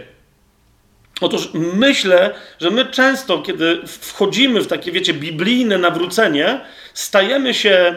Yy, jakby próbujemy zupełnie odrzucić, kompletnie wszystko to, kim byliśmy przed nawróceniem. Wiecie o co mi chodzi? Jakby, że to, to wszystko, całą historię swoją, wszystko co. Zauważcie, Paweł tego wszystkiego nie odrzuca i myślę, że jest to bardzo ważne dzisiaj, jak o tym mówię, kim jest Paweł apostoł i jakie to dla nas ma dzisiaj znaczenie. Zauważcie, Paweł bez żadnego obciachu, bez żadnych wątpliwości, bez żadnego kiwania nosem korzysta z tego, co naturalnie miał w życiu, zanim się nawrócił do, do Pana Jezusa, zanim się spotkał z Nim w drodze do Damaszku. Rozumiecie, o, o czym mówię? Posługiwał się językami, które znał, dla lepszego głoszenia Ewangelii. Zauważcie, kiedy on tu wiedział, że jeżeli oni go tam, wiecie, wychłostają w tej... On nie, wie, nie wiedział, czy on wyjdzie z takiej chłosty kolejny raz, mimo że wie, właśnie dlatego, że wielokrotnie ją otrzymał. Nie wiedział, czy z niej wyjdzie. Więc on mówi, ok, teraz dobrze jest powołać się na obywatel... I to jest, wiecie, ta sama historia. Tamtym mówi, jestem faryzeuszem. Tym mówi, ej, ale jestem Rzymianinem. I to jeszcze, wiesz, nie kupiłem se, tylko z urodzenia. I tak dalej. Więc on cały czas... Ale zauważcie, po co on to robi? Po co się posługuje tymi naturalnymi dobrami, nazwę to, które ma w, w życiu dla skuteczniejszego głoszenia Ewangelii. My potrzebujemy nieustannie to rozeznawać, jak pewne rzeczy, które mieliśmy, otrzymaliśmy w swoim życiu od Boga. W, w jednym miejscu Paweł powie, że, że on miał swoją historię, jaką miał, ale o tym, kim on ma być, Bóg zdecydował, kiedy on był jeszcze w łonie matki. Hmm? Pomyśl o tym, Bóg, kiedy cię widzi, wie, jakie, jakie po, powołanie dla ciebie przygotował. I ty możesz nigdy w życiu na to, na to wezwanie, zaproszenie od Boga, możesz nigdy w życiu nie odpowiedzieć. Ale jeżeli odpowiesz, to pamiętaj, wiele rzeczy w Twoim życiu wydarza się jeszcze przed nawróceniem, dlatego że Bóg wie, jakie przygotował dla Ciebie powołanie, i On tak czy siak do tego, do wypełnienia tego powołania Cię przygotowuje. Czy to jest jasne, co, co, co, co, co mówię? To, to jest naprawdę, to jest jedna z potężnych. Zauważcie coś, Paweł, jak trzeba, Żydom cytuje z pamięci dowolne, wiecie, księgi Starego Testamentu, staje w Atenach i tam jest jeszcze wnerwiony. To jest takie, że on jest tam wkurzony na całą tą sytuację, na całe bałwochwalstwo. I z pamięci cytuje kogo? Poetę jakiegoś greckiego, tak? I rozumiecie, on tam, Łukasz tylko jakiś jeden fragmencik yy, nam w Biblii zostawia, on całkiem możliwe, że tam całym pasusem się posługuje. Rozumiecie, i on jedzie z pamięci poetą, tak? My często mamy dzisiaj tak w chrześcijaństwie, że ludzie mają jakieś, nie wiem, wykształcenie jakiegoś rodzaju, ale wiecie, nie związane z Biblią, z, z Kościołem, z czymś tam i potem próbują się od tego odciąć, a to wszystko jest nieważne. Rozumiesz, jakby Paweł tak chciał zrobić, to by w ogóle nie wygłosił żadnej mowy w Atenach, bo by nie wiedział, co tam ma powiedzieć, tak? No to wyjdzie do Greków i zacznie Mojżesza cytować, no to już na wstępie oni powiedzą, dobra, tak? Co prawda i tak mu powiedzieli, dobra, posłuchamy cię innym razem, ale coś tam jednak im powiedział i jednak parę osób tam się nawróciło. Yy... Jasne jest to, co mówię? teraz, czyli, czyli mamy Pawła, który jest rzymskiego pochodzenia, urodził się w Cylicji, w Tarsie, w rodzinie rzymskiej, nie w Jerozolimie. Teraz jest jedna, nadal, jeszcze jedna bardzo istotna rzecz. W Tarsie powszechnie uprawianym zawodem nie, że wszyscy go uprawiali, ale, ale tam się specjalizowali w robieniu. Ja tego nigdy do końca nie zrozumiałem, ale ja się za bardzo w ogóle na takich rzeczach nie znam. Ale z tego, co zrozumiałem, to tam mnóstwo ludzi specjalizowało się, to było takie zagłębie produkowania specjalnego rodzaju namiotów wędrownych, nieprzeciekających, gdyby była jakaś słaba pogoda, i też dobrze chroniących przed słońcem, czyli dających dobry cień, a jednocześnie przewiewnych, które się robiło z jakiegoś rodzaju e, skóry, a może nawet nie skóry, tylko sierści koziej, którą się jakoś tam łączyło i to było jakieś takie, no jeszcze raz, jak ktoś wie lepiej o tym, to wybaczcie mi, ja się na tym za bardzo nie znam, ale zagłębiem e, tej umiejętności, tego rzemiosła, robienia tych namiotów takich specyficznych, był właśnie Tars. Więc e, myślę, że dosyć wcześnie Paweł się przeniósł do Jerozolimy, ale nie na tyle wcześnie, i to jest bardzo, bo niektórzy mówią, że jak miał parę latek, to go wywieźli do Jerozolimy. Zaraz o tym sobie powiemy. Nie sądzę, bo gdyby tak było, to, to nie nauczyłby się w Jerozolimie tego, co umiał jako swój zawód. I to dobrze, tak? W 18 rozdziale dziejów apostolskich,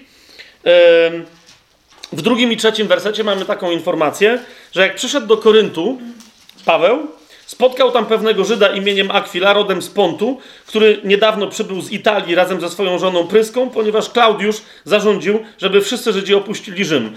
I poszedł do nich. I teraz uważajcie, a ponieważ znał to samo rzemiosło, co oni, zamieszkał u nich i pracował razem z nimi. Oni mieli jakąś tam firmę i on mówi, ej, ja, ja mam ten sam fach. Mówią, super, no to przydadzą się jeszcze jedne ręce do pracy. I teraz co to był za, za fach? Zajmowali się bowiem wyrobem namiotów. Tak? Tam jest jakiś konkretny wyraz w języku greckim na te namioty i tam dalej. Nie będę te, tego rozważał, ale wydaje mi się, bo jeszcze raz mówię, zagłębiem umiejętności właśnie robienia tych namiotów w ten określony sposób yy, był Tars w Cylicji. A więc Paweł myślę, że wiecie, to nie, to nie były czasy tak jak dzisiaj, tak? że dzieci zaczynają pracować mniej więcej w okolicach 27 roku życia. Yy, Okej, okay, sprawdzam. niektórzy złapali żart, niektórzy. Co się dzieje? Wtedy dzieci zaczynały pracować zasadniczo, kiedy mogły zacząć pracować, tak? Jak miały 4, 5 lat, 6, pomagały rodzicom przy warsztacie, wprawiały się, no wiecie o co chodzi, tak? Co miały robić? Bawić się czym? E, więc ewidentnie Paweł nauczył się tego fachu jako bardzo młody człowiek. I teraz w momencie, kiedy się nauczył tego fachu, to jest bardzo istotne, yy, przeniósł się do Jerozolimy. Skąd o tym wiemy? I, aha, jeszcze jedna rzecz, yy, yy, tak, tak zupełnie się przypomniało.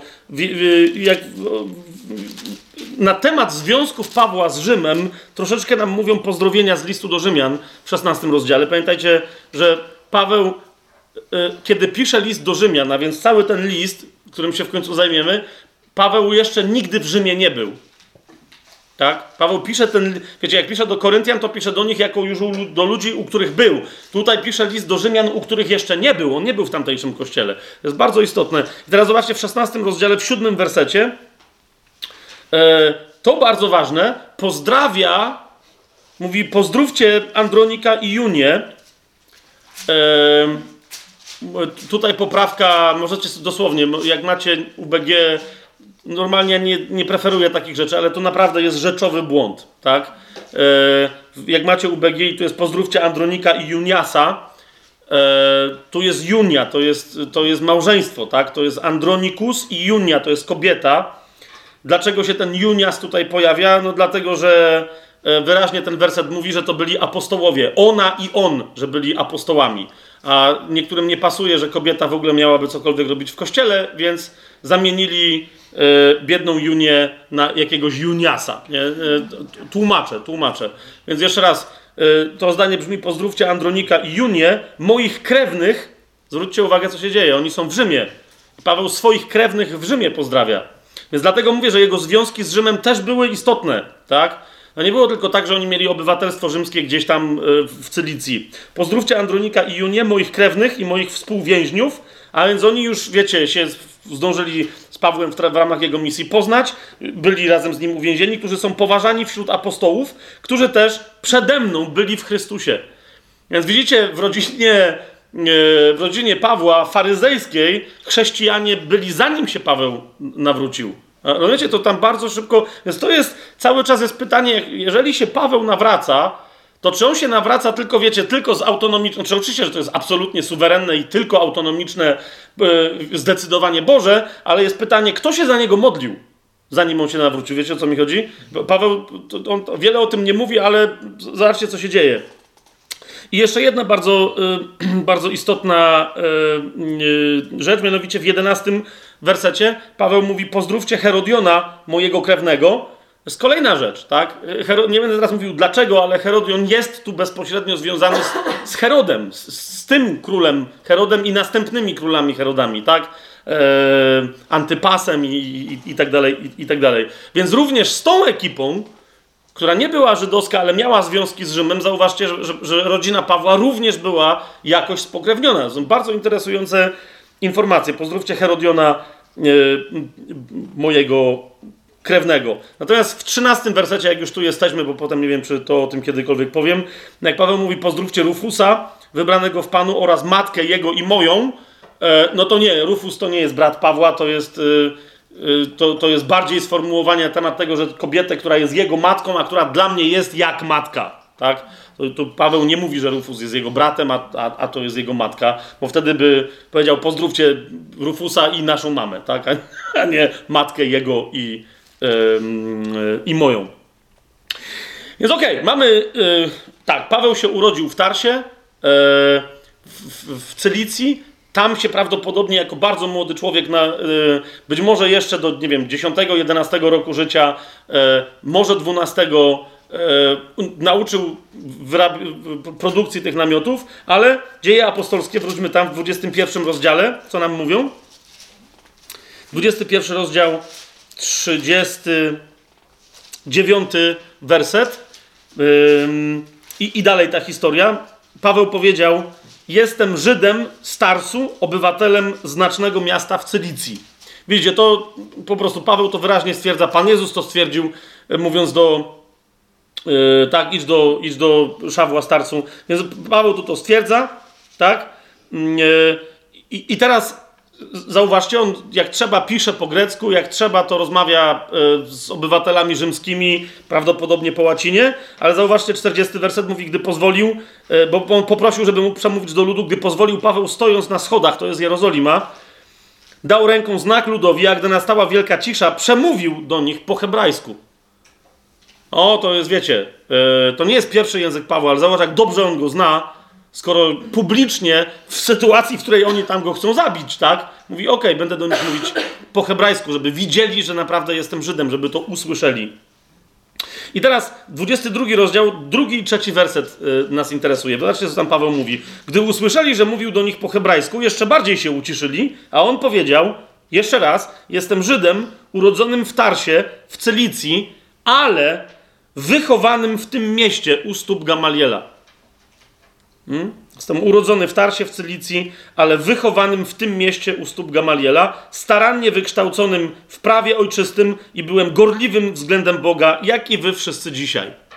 I teraz stąd, wiecie, to jest takie wyobrażenie, że skoro Paweł mówi, że został wychowany, w tym mieście u stóp Gamaliela, mówią, że jako bardzo małe dziecko Paweł był przywieziony do Jerozolimy i wiecie, wyobrażają sobie takiego malutkiego, czteroletniego Paweł, Szawełka, który siedzi u stóp Gamaliela, a on coś tam naucza, jakby u stóp taty, tak?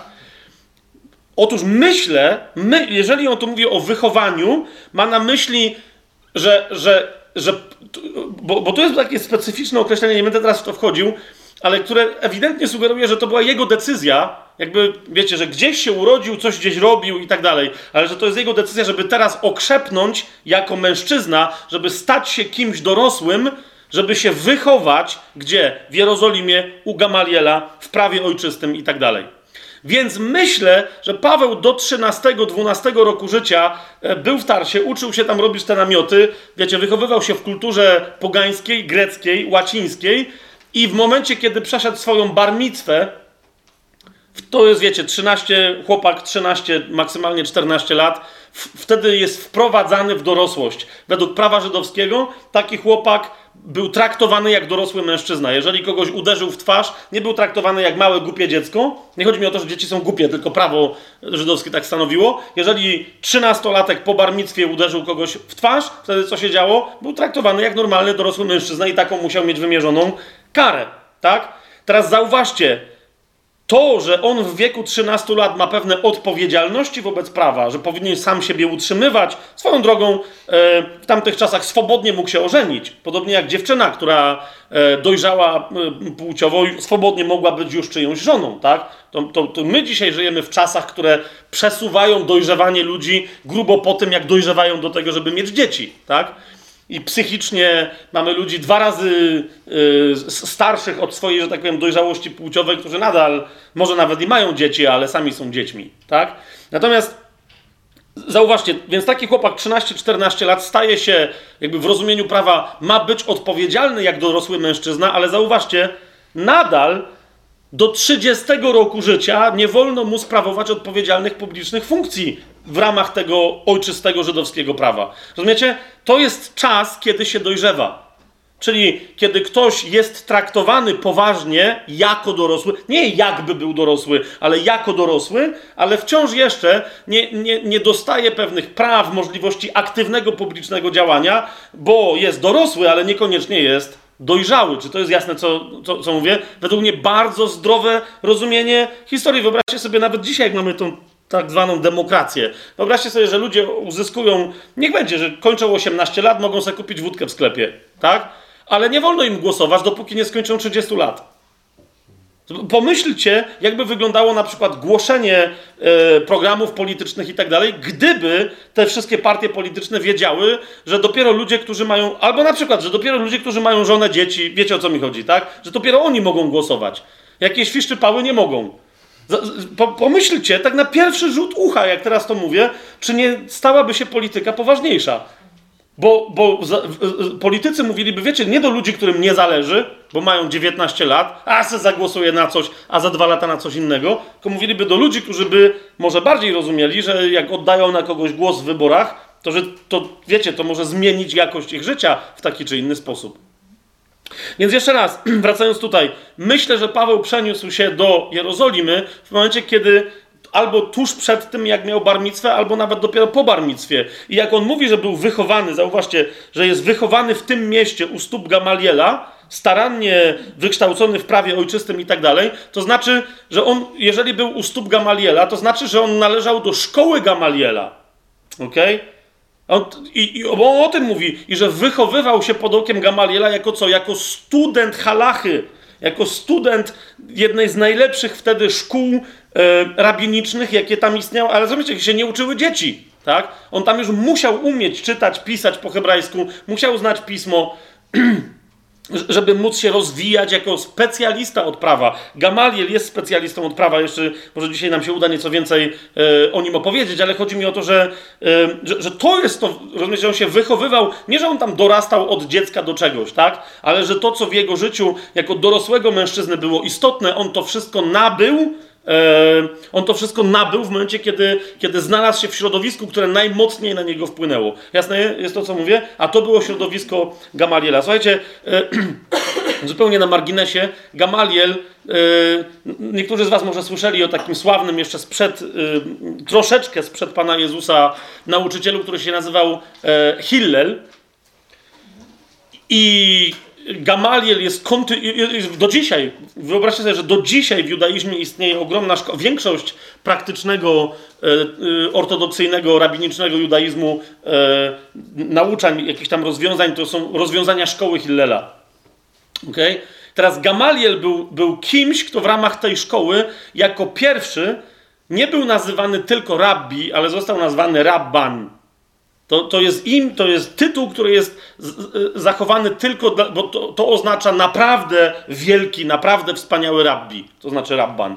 I Gamaliel w, jest bardzo dobrze znany tak, w judaizmie, do, dzisiaj do tej pory wiele jego powiedzeń, rozwiązań i tak dalej znajduje się w Talmudzie, ponieważ jest pierwszym rabbanem, jaki w ogóle został nazwany rabbanem. O to mi chodzi u kogoś takiego uczył się yy, yy, Paweł, więc rozumiecie też, że pod tak wpływową osobą, nie, niezależnie od tego, kim był jego ojciec, to zauważcie, yy, Paweł mówi, ja jestem faryzeuszem, synem faryzeusza, tak? Ale mówi, ale wychowywałem się u Gamaliela. Rozumiecie, o co mi chodzi? Z, zupełnie u jego stóp, to znaczy, tak jak inni, słuchałem jego nauczania. To jest mój mistrz, to jest mój nauczyciel. E, mnie parę razy ktoś tam e, pytał, także z, z rodziny, e, mówi, ty czekaj, dlaczego ty w kółko gadasz, że ty jesteś chuty, jak ty nie jesteś schuty? W sensie, bo to inna rzecz, że to gdzie się urodziłem, to ja nigdy w tym miejscu, gdzie się urodziłem, nigdy nie, nie mieszkałem, tak? Czyli urodziłem się w Proszowicach, ale pierwsze lata do podstawówki chodziłem w Nowym Brzesku, to jest za Nową Hutą tam już 20 czy 30 kilometrów bardziej. Natomiast w momencie, kiedy już mogłem ja o czymś zdecydować, do szkoły średniej i tak dalej, poszedłem i potem od tej pory większość rzeczy w swoim życiu robiłem e, w Krakowie i w Nowej Hucie. I chodzi mi o to, że jak, jak mówię o tym, że zresztą są chłopaki z Nowej Huty i to, to, nawet tu teraz, tak, i wszyscy o tym wiedzą, że to jest skrótowe tylko wyjaśnienie, że, że e, e, nie wiem, jaka była kultura w Nowym w sensie z całym szacunkiem do Nowego Brzeska teraz, żeby się tu nikt nie obraził, tak? Chodzi mi tylko o to, że ja tam się niczego specjalnego nie nauczyłem. Wszystko to, czego się potem nauczyłem, pewnych zasad życiowych, tego, jak się zachować na ulicy i tak dalej, to się dopiero w hucie nauczyłem, tak? I to często, tak, tak że tak powiem, e, no, konkretnie się nauczyłem. E, więc, więc dokładnie to, to, samo mówi Paweł. Paweł, tak? Ja jestem starsu, jestem dobrze, ale to wszystko, czym przesiąknąłem, przesiąknąłem dopiero kiedy się pojawiłem kiedy się pojawiłem w Jerozolimie. 26 rozdział, czwarty werset, jak sobie e, otworzymy.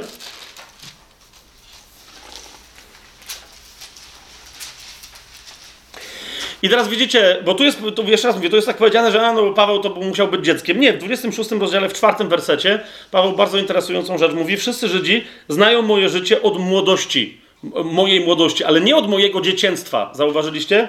To jest naprawdę wyraźnie od mojej młodości, kiedy byłem młodym chłopakiem, nastolatkiem. Prawdopodobnie wszyscy Żydzi znają moje życie od młodości, jak je wiodłem od początku wśród mojego narodu w Jerozolimie. Czyli początek Pawła w Jerozolimie to jest, to jest jego młodość, a nie jego dzieciństwo, czy tam dzieciństwo, czy jeszcze jakby to ktoś chciał nazwać. Nie zmienia to jednak faktu, że Paweł cały czas przy, przybył tam, ale on nigdy się nie podawał za kogoś, kto wiecie, jest rodowitym e, Jerozolimczykiem, że tak powiem. Tylko zawsze to musiał być Żyd z Tarsu, Żyd z Cylicji, Żyd, który nie należał do oryginalnej synagogi jeruzalemskiej. I z tego powodu, kochani, chcę Wam zwrócić uwagę na jedną rzecz. Jak powiedziałem teraz, tylko żeby się wyjaśnić nieco, że jak niektórzy powiadają, że Paweł się z całą pewnością pojawia, ja się z tym zgadzam, w siódmym rozdziale dziejów apostolskich, w 58 wersecie, świadkowie złożyli swoje szaty u stóp młodzieńca zwanego Saulem, to według mnie Paweł pojawia się jednak w nieoczywisty sposób i nie z imienia, ale w całej tej historii wcześniej. Czyli pojawia się według mnie wśród ludzi, którzy zaatakowali Szczepana. To wiecie, jest jakaś ekipa, która zaatakowała Szczepana, sprowadziła go przed Sanhedryn. Sanhedryn wysłuchał, czego miał wysłuchać, i potem ekipa, stawiam wniosek, że prawdopodobnie ta sama wyharatała go, więc, bo oni od początku wiedzieli, co chcą zrobić. Wyharatali go za miasto i go zatłukli, a bosem całej tej ekipy był Szaweł, tak? Przy okazji członek Sanhedrynu. Co to jest za ekipa? Szósty rozdział dziejów apostolskich Dziewiąty werset nam mówi o tej ekipie. I dlatego uważam, że tu nie wprost, ale to jest miejsce, kiedy się pojawia bezpośrednio Szaweł. Wtedy niektórzy z synagogi, zwanej synagogą libertynów i cyrenajczyków i aleksandryjczyków, uważajcie, oraz tych, którzy pochodzili z Cylicji i Azji. Cylicja, jak powiedziałem, to jest dzisiaj południowy region Turcji. Cała dzisiejsza Turcja wtedy była nazywana Azją. My dzisiaj, wiecie, to jest nasze określenie na cały kontynent, ale w tym konkretnym języku Azją, to Azja to jest dokładnie cały ten teren, który my dzisiaj nazywamy Turcją, tak? A więc wszyscy, którzy stamtąd pochodzili, wszystkie kościoły, zauważcie, w Księdze Objawienia, do których Pan Jezus pisze listy, siedem kościołów, to są kościoły Azji, czyli kościoły, które dzisiaj znajdują się w Turcji. A więc zauważcie, kto zaatakował Szczepana? Faryzeusze, ale z konkretnej synagogi libertynów, cyrenejczyków, aleksandryjczyków oraz tych, którzy pochodzili z Cylicji i Azji. To oni wystąpili do rozprawy ze Szczepanem, tak? I, i, i, na, i na, samym końcu Paweł, kiedy jest, y, Szczepan, kiedy jest kamienowany, wszyscy składają e, jego szaty, 7 rozdział 58, swoje szaty u stóp młodzieńca zwanego Szawłem, o którym wiemy, że jest skąd? Z Cylicji. Okay? Niezależnie od tego, że się wychowywał u Gamaliela, nadal musiał należeć do tej synagogi, o której jest powiedziane w szóstym rozdziale w dziewiątym wersecie. Tak? Bo to była synagoga w Jerozolimie, ale rozumiecie, w której prym wiedli ludzie nie z Jerozolimy, a dokładnie z tych rejonów. Paweł, będąc oryginalnie z Cylicji, musiał tam być jednym z mocnych przedstawicieli, skoro jednocześnie był członkiem Sanhedrynu. Jest to, jest, jest to jasne, co, co teraz mówię. Według mnie szósty rozdział, więc dziejów apostolskich, dziewiąty werset, to jest e, pierwszy moment, kiedy się, Paweł, e, kiedy się Paweł nam na kartach pisma pojawia, a oczywiście imiennie to jest dopiero siódmy rozdział, 58 werset. Teraz, e, jak już to wiemy, że, że Paweł się przeprowadził do. teraz jeszcze jedna rzecz, na którą Wam zwracam uwagę całkiem możliwe, widzicie, taki drobiazg może nam wiele powiedzieć, że, yy, bo niektórzy mówią, no ale on się, wy, bo, bo niektórzy mówią, że ale on, on się wychowywał, on na pewno mieszkał u, Gam, u Gamaliela, bo gdzie by miał mieszkać yy, Szaweł, kiedy się przeprowadził do Jerozolimy. Kochani, yy, w 23 rozdziale yy, dziejów apostolskich yy, yy, tam jest cała historia, pamiętacie, że już na, na Pawła się zawiązał spisek i Żydzi chcą go zabić. Kto przynosi wiadomość yy, Pawłowi, że został zawiązany spisek i że, że będą się próbować targnąć na jego życie? Zobaczcie, 23 rozdział, yy, yy, 15-16 werset. 16 werset. A gdy siostrzeniec Pawła usłyszał o tej zasadce, przybył, wszedł do twierdzy i powiadomił o tym Pawła. Więc kto przyszedł do Pawła? Siostrzeniec Pawła. Teraz zauważcie, on się dowiedział o zasadce, która, wiecie, to nie było tak, że wszyscy na ulicy mówili, eee, chodźmy zabić Pawła, tak? To był spisek. I teraz co jest interesujące, że mimo tego ktoś przy siostrzeńcu Pawła mówił na temat tego, że chcą zabić Pawła i się nie zorientowali, że hej, przecież gość może pójść mu powiedzieć. A więc musiał to być człowiek, który tak długo mieszkał w Jerozolimie, że był uznawany za swojego. Rozumiecie o co mi chodzi?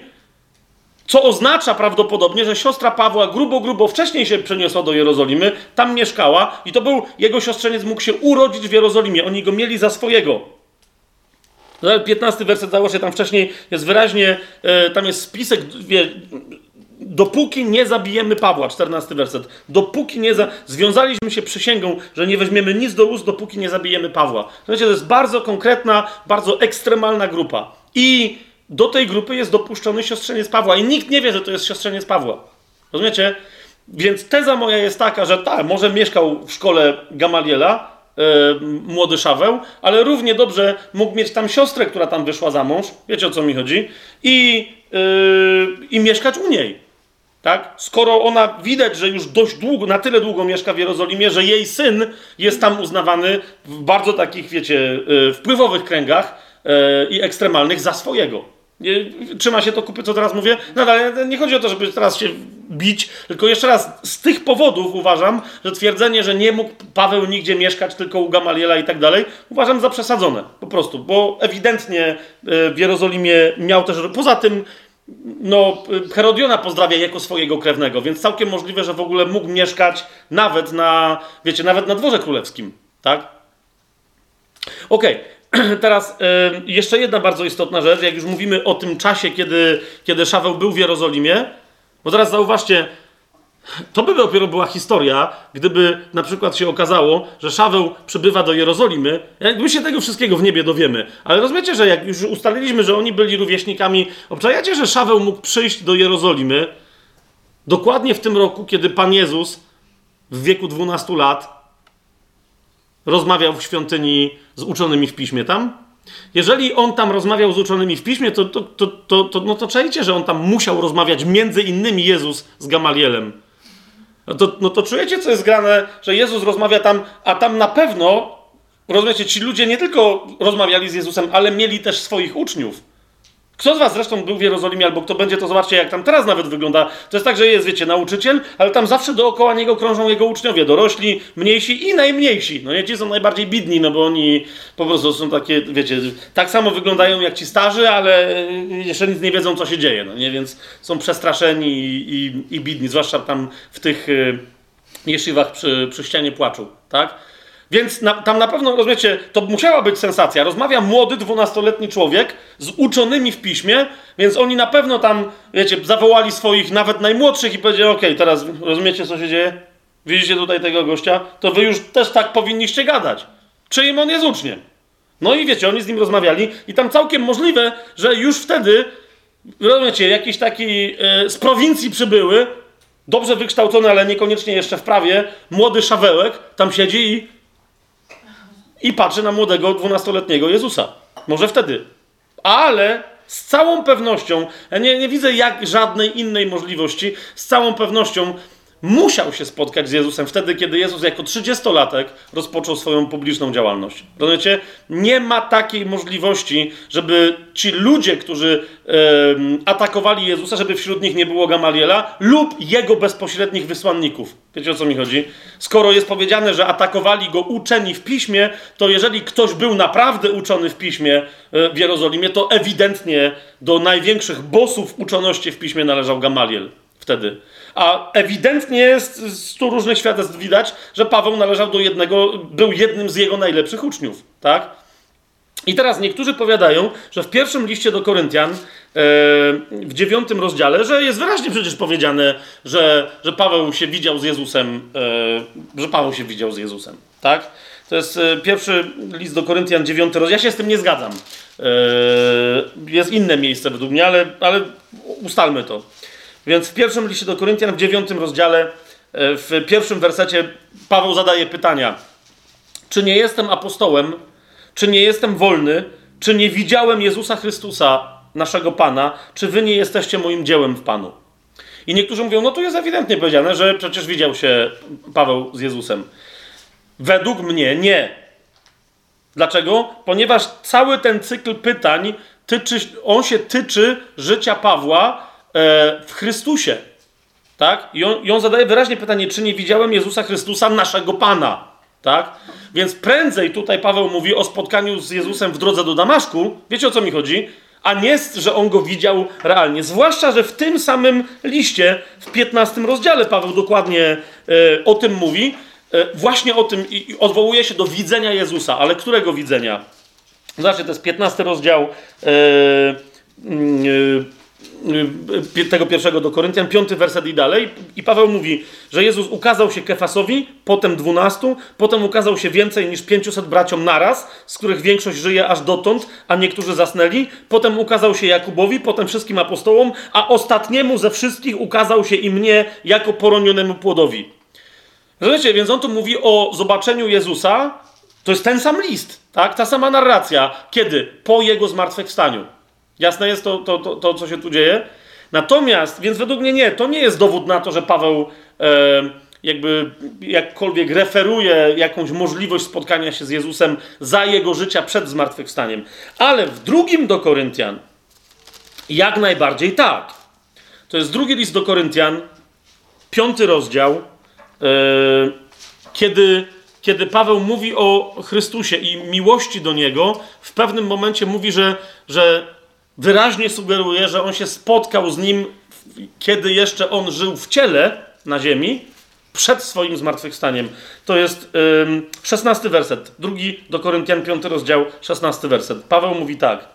Dlatego my odtąd Dobrze, nawet zobaczmy kontekst od 14 wersetu. Tak? Zauważcie, co, co mówi Paweł. Mówi: Miłość Chrystusa bowiem przymusza nas, jako tych, którzy uznaliśmy, że skoro jeden umarł za wszystkich, to wszyscy umarli, a umarł za wszystkich, aby ci, którzy żyją, już więcej nie żyli dla siebie, lecz dla tego, który za nich umarł i został wskrzeszony. Więc on mówi, to jest to, do czego przynagla nas miłość Chrystusa, żeby teraz iść do innych. I mamy w, te, w tym kontekście ten 16 werset mówi, dlatego my odtąd nikogo nie znamy według ciała. Co to znaczy? Nie mają dla nas znaczenia relacje krwi, relacje pokrewieństwa, relacje fizyczne. To jest dla mnie nieistotne, że ktoś jest moim ojcem, ktoś jest moim synem, ktoś jest moją żoną, ktoś jest moją siostrą i tak dalej. W sensie to jest ważne, ale nie ma pierwszeństwa. Czy to jest jasne? Dlaczego? Ponieważ ważniejsza od miłości cielesnej jest jaka miłość? Czternasty werset. Miłość Chrystusa. Tak? A więc na pierwszym miejscu jest miłość do braci, a potem miłość do wszystkich innych osób, tak jak Chrystus chce, żebym kochał. Jasne to jest? Ale teraz zobaczcie w tym, w tym kontekście, co mówi Paweł. Dlatego my odtąd nikogo nie znamy według ciała. A chociaż znaliśmy Chrystusa według ciała, to teraz już więcej go takim nie znamy. Więc mówi, to co ja teraz mówię, zrozumcie, mówi, dla nas ważniejsza jest miłość Chrystusowa w nas, a więc, a więc to, kogo On przez nas chce kochać, a nie komu się należy, żebyśmy go kochali, co niby ma wynikać z ciała, tak? Dzieciom, no pamiętacie, co Pan Jezus powiedział? Kto kocha bardziej żonę, y, męża, ojca, matkę, dzieci bardziej niż mnie, nie jest mnie godzien. Pamiętacie to y, Ewangelia? I to jest dokładnie to samo, co Paweł mówi. I on mówi, teraz mówi, do tego stopnia to jest istotne, że miłość cielesna jest nieistotna, że nawet jeżeli ktoś spotkał Chrystusa jeszcze za jego życia, to wiecie, są tam, byli wtedy tacy ludzie, tak? To mówi, to, to nadal nie ma znaczenia. On ma go kochać, Chrystusa, na sposób duchowy, a nie dlatego, że go kiedyś poznał fizycznie. I co jest bardzo istotne w tym kontekście, że Paweł siebie wprowadza do tej grupy ludzi, która znała Jezusa za czasów jego życia fizycznego, pierwsze, pierwszego pojawienia się na ziemi. Zobaczcie, dlatego my odtąd nikogo nie znamy według ciała, a chociaż znaliśmy Chrystusa według ciała, jest wyraźnie liczba mnoga, ale pierwsza osoba, my, chociaż my znaliśmy Chrystusa według ciała, to teraz już więcej go takim nie znamy. No bo w Chrystusie wszyscy jesteśmy nowymi stworzeniami, tak? My, jeszcze raz, wie, wiecie, to nie jest jakaś rzecz, o którą trzeba by się było bić, ale myślę, e, czy kłócić, jak ktoś mówi, że nie, nie, no to niech będzie. Ale jeszcze raz myślę, że, że nie jest jakimś szaleństwem stwierdzenie, że, że Paweł naprawdę w jakiś sposób bardzo konkretnie spotkał Chrystusa jeszcze przed Jezusowym e, e, przejściem, przed Jezusową paschą, przed śmiercią Jezusa na krzyżu. Zgodzicie się co do tego? Nie jest, nie jest szaleństwem e, w ten sposób e, twierdzić. I teraz, kochani, ja myślę, że ostatnią rzecz teraz, jak już to powiedzieliśmy sobie, ostatnią rzecz dzisiaj, e, dzisiaj powiem. Mianowicie, y, bo wtedy, wiecie, chcę, żebyśmy, jak potem zobaczymy, kim się Paweł staje pod mocą Bożą, w Duchu Świętym, przez imię Jezusa, to, to chcę, żeby, wiecie, żebyśmy zobaczyli, skąd ten chłop wyszedł w ogóle. Tak? Co, co się tam działo? A więc, kim on się stał u stóp Gamaliela jako, jako Żyd? Bo wiecie, jak czytam, nawet jak tu czytałem. Yy, Davida Sterna, to, to ten komentarze do pewnych postaw Pawła, zanim się nawrócił, e, i innych, e, to, to niektórzy są zszokowani, nawet wiedząc, wiecie, jaką perfidią ta religijna instytucja, jaką był Sanhedryn i, i pochodne, nawet wiedząc, jaką perfidią mogła się posłużyć, to, to wciąż są zszokowani tym, jak w ramach tej perfidii, perfidny i straszny żeby nie rzec potworny, był Paweł. ok? I co jest bardzo istotne, Paweł mówi, że. E, bo, bo, bo na to chcę zwrócić uwagę, bo jakby często jest takie, że no Paweł był straszny dla chrześcijan, a przy okazji był bardzo pobożnym Żydem. I niektórzy to jakoś tak dziwnie, wiecie, tak, no to są dwie różne rzeczy. Otóż to, co chcę teraz powiedzieć, i mówię, dzisiaj to jest temat, którym skończymy. Nawet nie będziemy mówić o nawróceniu Pawła, bo z nim tam są związane, e, jest związanych parę kontrowersji, e, które myślę, że trzeba ich dotknąć i je pokazać, tak? A, a to, co teraz chcę powiedzieć, jest niezwykle istotne dla zrozumienia później tego, jak Paweł nie cierpiał religii, tak? E, I jak kochał wolność, którą, którą pozyskał w Chrystusie. E, otóż Paweł pokazuje zawsze siebie, prawie zawsze. Chodzi mi tylko o to, że to na tyle często się pojawia w piśmie, że to jest jasne, że Paweł łączy to, ten swój fanatyzm antychrześcijański w zwalczaniu e, uczniów Chrystusa, także fizycznym eliminowaniu ich, łączy ze swoją gorliwością religijną. On mówi, że jedno z drugim było nieodłącznie e, związane. Zobaczcie najpierw list do Filipian, w którym już byliśmy, e, ale chodzi mi o, o sformułowanie, na, na, na, no, które pominąłem celowo. To jest list do Filipian, trzeci rozdział. Tym piątym wersecie właśnie on mówi, czym się mógłby chwalić, tak? Pokazuje, że jest, wiecie, że jest faryzeuszem, ale mówi też konkretną rzecz w szóstym wersecie, czyli mamy piąty i szósty werset, w których Paweł pisze o sobie tak. Obrzezany ósmego dnia z rodu Izraela, z pokolenia Benjamina, Hebrajczyk z Hebrajczyków, co do prawa faryzeusz. Zauważcie, co do gorliwości prześladowca Kościoła, co do sprawiedliwości opartej na prawie nienaganny. Rozumiecie, on to mówi na jednym wydechu. Mówi, byłem faryzeuszem. Jak bardzo byłem faryzeuszem? Tak, że tępiłem chrześcijan. Jak się to miało do prawa? Nijak. Wobec prawa byłem nienaganny. Rozumiecie? Jak on za chwilę, zaraz przeczytamy inne fragmenty, w których on mówi, co on robił jako ten prześladowca, no to jest pytanie, jakim cudem to mogło być uznane za nienaganne wobec prawa. A Paweł mówi, no właśnie na tym polega problem. Na tym zawsze polega problem religijnych osób, że im bardziej są religijne, tym większe nawet okrucieństwo, nawet fizyczne, są w stanie usprawiedliwić i zracjonalizować, że jest wręcz wyrazem ich świętości. Zobaczcie list do Galacjan, yy, pierwszy rozdział. Paweł w nim mówi następującą rzecz yy, o sobie, to jest pierwszy rozdział 13-14 werset. Słyszeliście bowiem o moim dawniejszym postępowaniu w judaizmie. Zauważyliście, wobec tego, co zaraz Paweł tu napisze, zauważcie o czym on mówi. O swoim postępowaniu w czym? W judaizmie.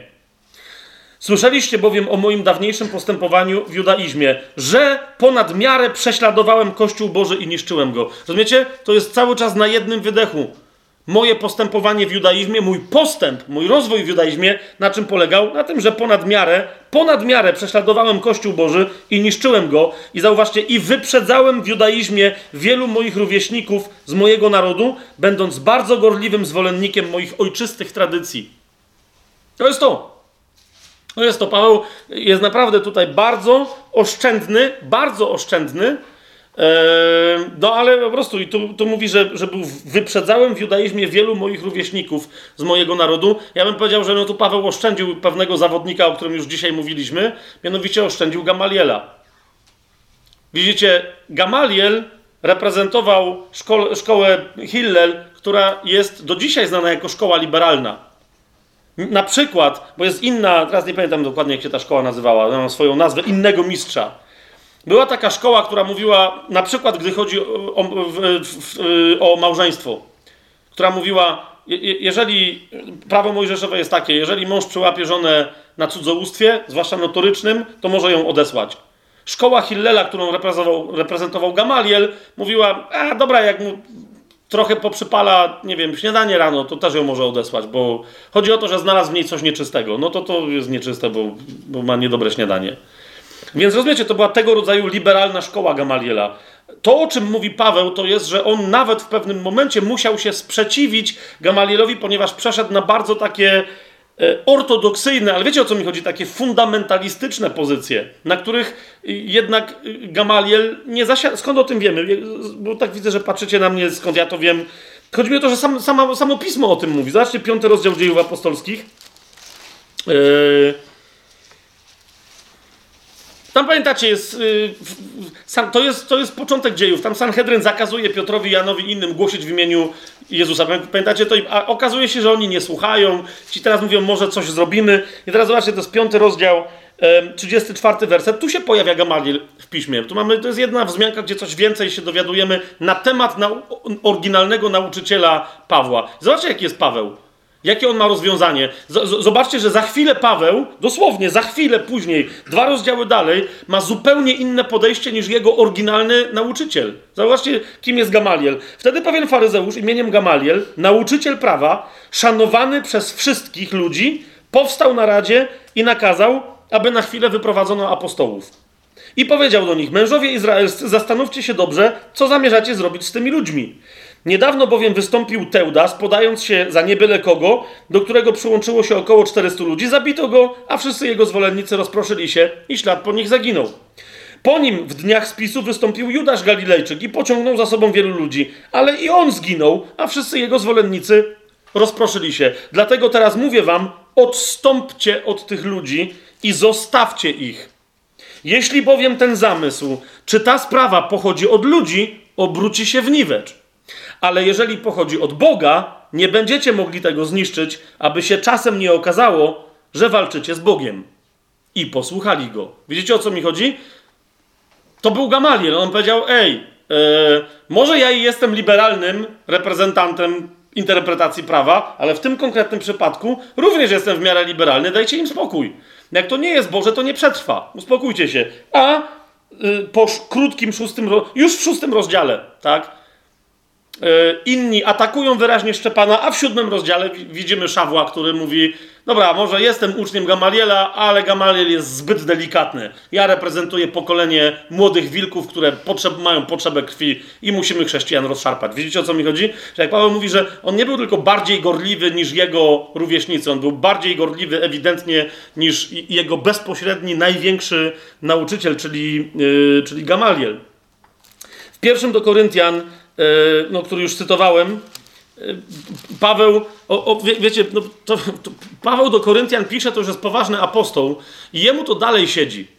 Naprawdę, jemu to siedzi, jemu to leży. W sensie on nie, nie, nie, nie czuje się winny, ale rozumiecie, on mówi, to jest ważne, żebym to podkreślał. Byłem takim człowiekiem, to jest coś, od czego Chrystus mnie uwolnił. Wcale się tego nie, nie, nie wyrzekam.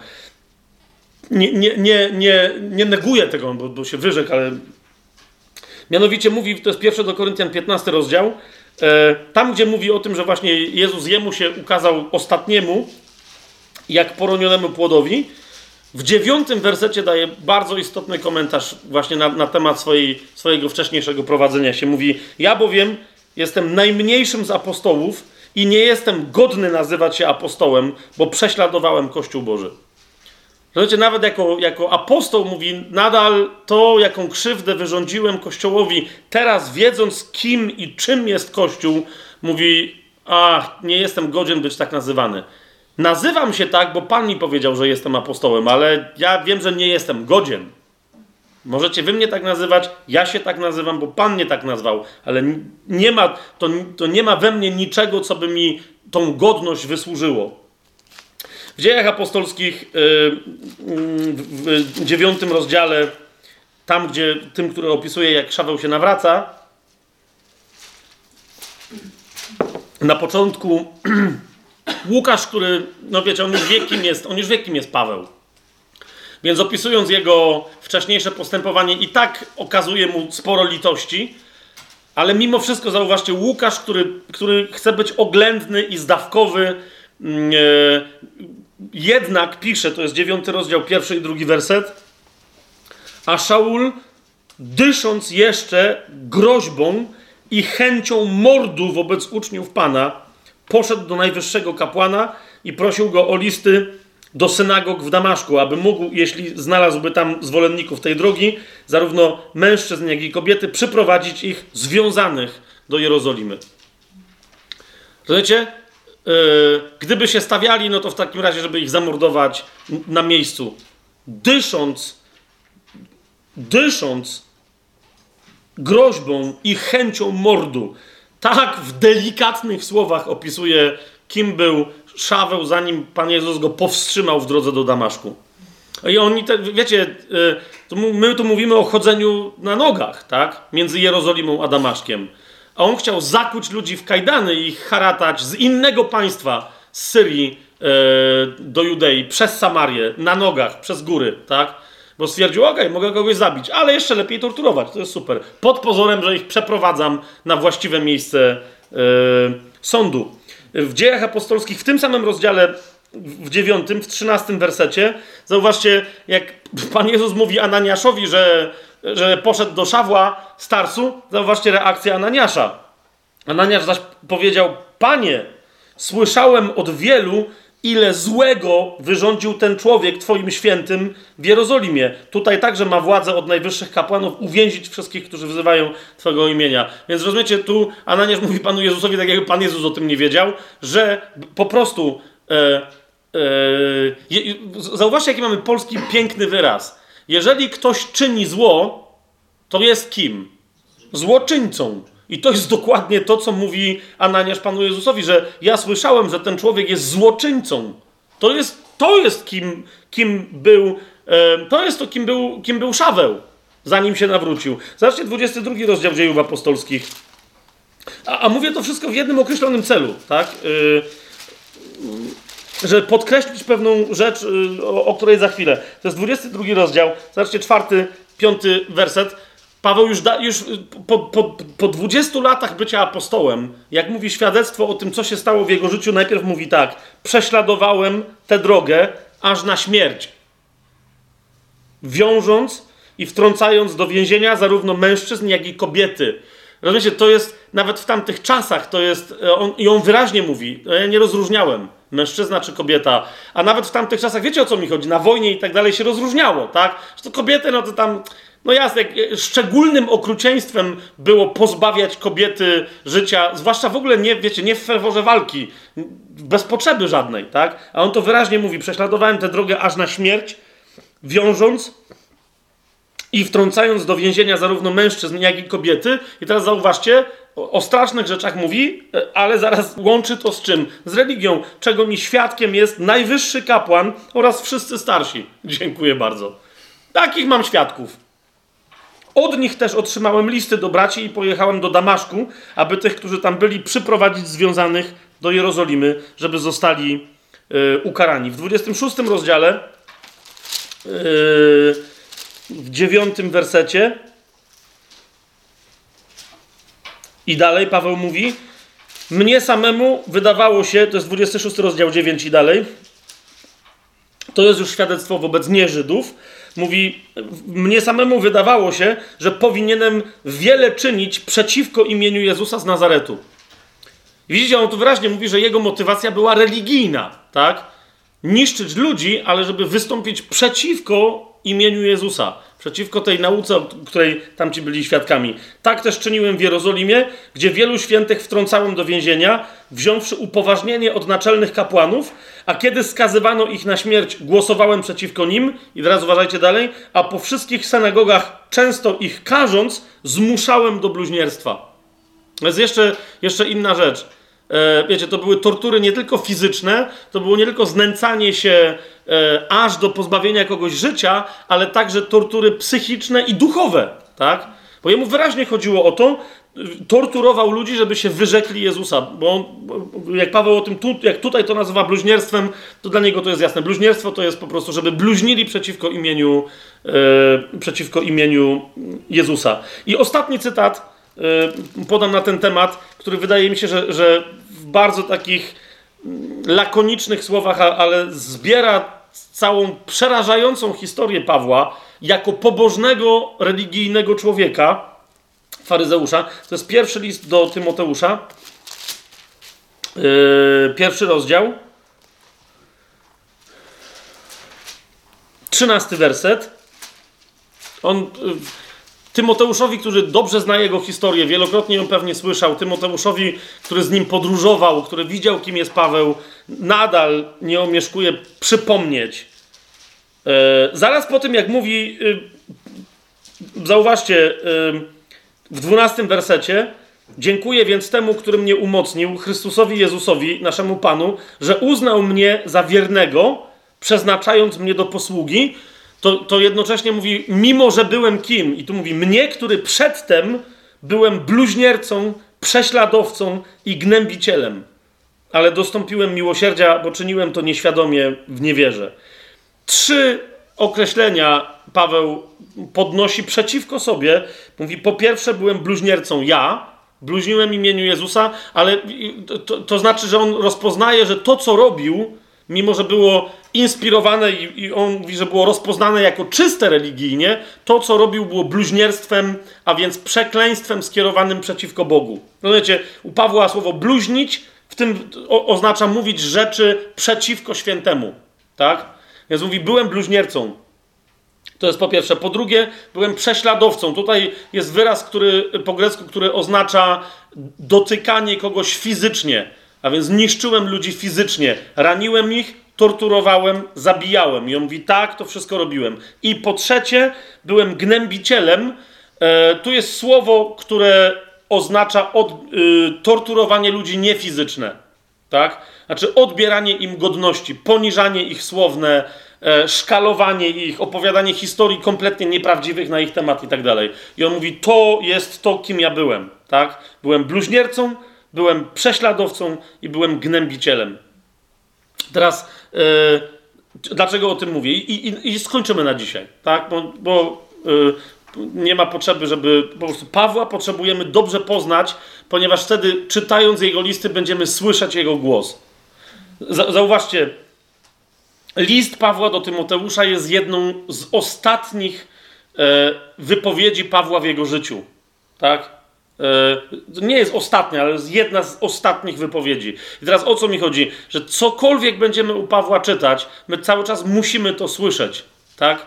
Że on, je, i, rozumiecie, on nie jest powodowany tym, kim był, zanim dotknęła go łaska, ale nigdy nie przestał być pokorny wobec tego, że to była łaska. Rozumiecie o co mi chodzi? On nigdy nie zrobił Jezusowi żadnej łaski, ale on doświadczył wszelkiej łaski. A więc jeżeli w jakichś tam miejscach zobaczymy, że Paweł naprawdę wygląda jakby przesadzał, zresztą w dziejach apostolskich są te sceny, gdzie pamiętacie, e, ludzie, którzy w ogóle nie wiedzą o co chodzi, mówi, mówią od tej wielkiej uczoności oszalałeś, Pawle. Pamiętacie tą, tą, tą scenę? Paweł absolutnie nie. Musimy cały czas to słyszeć, że on wie, kim był, jak wielka na nim ciążyła wina i zauważcie, to jest bardzo istotne, niezależnie od tego, jak wielka ciążyła na nim wina, bo o to mi chodzi. To jest pierwsza rzecz, którą potrzebujemy wyłapać z jego osobowości.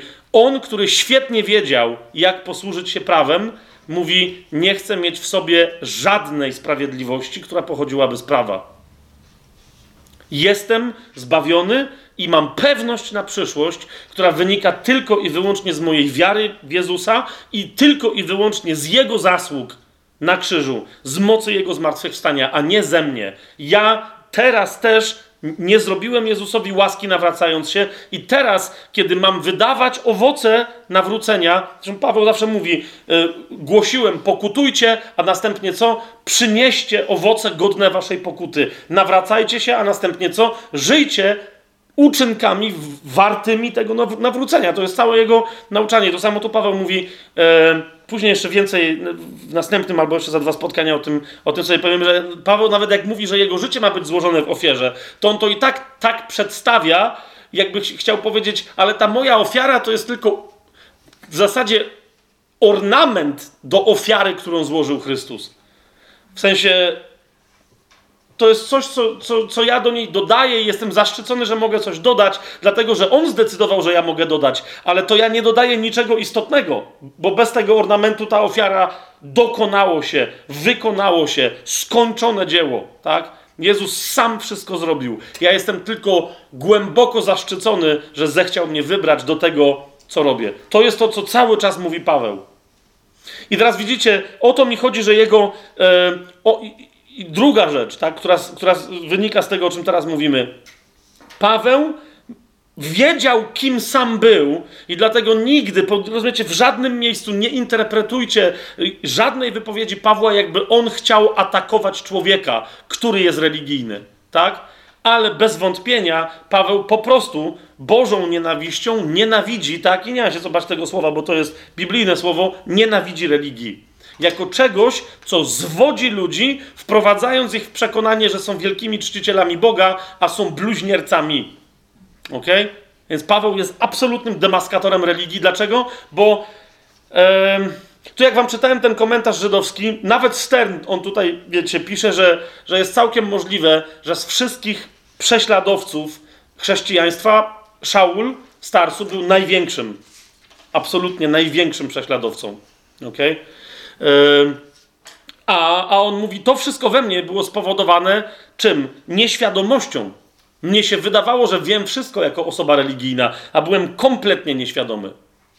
To jest kolejna rzecz. Trzecia rzecz, kochani, trzecia bardzo istotna rzecz. Niezależnie od tego, z jaką osobą się spotkacie, spotkamy, niezależnie od tego, z jaką osobą się spotkasz, nie, nieważne z jak wielkim fanatyzmem ta osoba wystąpi przeciwko tobie, pamiętaj, że to może być kolejny Paweł Starsu. To, to może być kolejny Szaweł Starsu. Rozumiecie, co, co ja mówię? My, ja obserwuję jakąś taką rzecz czasem wśród chrześcijan, że niby wszyscy są gotowi głosić Ewangelię wszelkiemu stworzeniu, ale mają pewne określone grupy ludzi, które jakby się nie, na, wiecie, nie załapują na wszelkie stworzenie. Rozumiecie, o co mi chodzi? Y, na, na przykład, no po prostu pewne środowisko. Ja, ja, teraz ja rozumiem, nie chodzi mi o, o to, że ktoś pochwala jakiś grzech, ale naprawdę musimy, rozumiecie, jeżeli jest na przykład, są środowiska LGBT, na przykład, tak? Homoseksualiści, ktoś tam. I teraz trzeba rozróżnić między tym, co mówi Biblia na temat homoseksualizmu, a tym, że homoseksualista jest tak samo do zbawienia, jak, wiecie, jak faryzeusz Szaweł Starsu. Rozumiecie, o co mi chodzi? No kurde, to, oczywiście, że rozumiecie, że to jest jasne, tak? Yy, tudzież niektórzy chrześcijanie angażują się, wiecie, w polityczne sprawy. I nawet nie zauważają, jak w pewnym momencie, optując bardziej za jakąś linią nie wiem, lewicowo-liberalną, zaczynają nie cierpieć yy, jakichś tam prawicowców, tak? I wtedy nagle yy, wszystkim głoszą, ale a na pewno nie tym gościom, tak? Na pewno nie nacjonalistom, na pewno nie tamtym, na pewno nie pisiorom i tak dalej. I z drugiej strony jest to samo, że jeżeli się angażują w jakieś bardziej konserwatywne, to, to jest yy, może częstsze, nie, nie wiem teraz, czy to jest częstsze, ale jakieś konserwatywne bardziej poglądy, to wtedy nagle, wiecie, ludzie, którzy po prostu politycznie są gdzieś tam w jakimś nurcie, zabłąkani albo nie, ja nie wiem, w ogóle to, no właśnie samo takie myślenie, że no ten trochę pobłądził politycznie, ej, jeżeli pobłądził, że nie zna Jezusa, to to jest jedyne pobłądzenie, a cała reszta, wiecie o co mi chodzi, tak? Teraz, jeżeli ktoś nie może głosić jakiejś osobie Ewangelii, bo ta, nie wiem, ma y, Che Guevara na koszulce, czy nawet niech ma, wiecie, Hitlera samego, o to mi chodzi, tak? To, nie zna, to, to teraz jeszcze raz, ja rozumiem, że tam jest problem z faszyzmem, z komunizmem, z czymś tam, ale nadal to jest osoba do zbawienia, tak? To jest ktoś, kto ma tylko jakiś pogląd. Rozumiesz, jakby ktoś ci wpadł do domu, tak jak Szaweł wpadał tamtym ludziom, zrobił raban, rozumiesz, zabił twoją żonę, może niechcący, ale po prostu się stawiała, więc ją walnął żelazkiem, uwięził twoje dzieci. Rozumiecie, o co mi chodzi? Tamci ludzie. Okej, okay, Ananiasz miał pewien problem z tym, żeby pójść. Miał pewien problem. Musiał sam Pan Jezus osobiście przyjść i powiedzieć idź. A on mówi, ale ja słyszałem, że to jest złoczyńca. A Pan Jezus mówi, ale jednak idź. I on go posłuchał. Szaweł tam miał w ogóle problem, bo masa ludzi się go bała. No nie dziw, tak?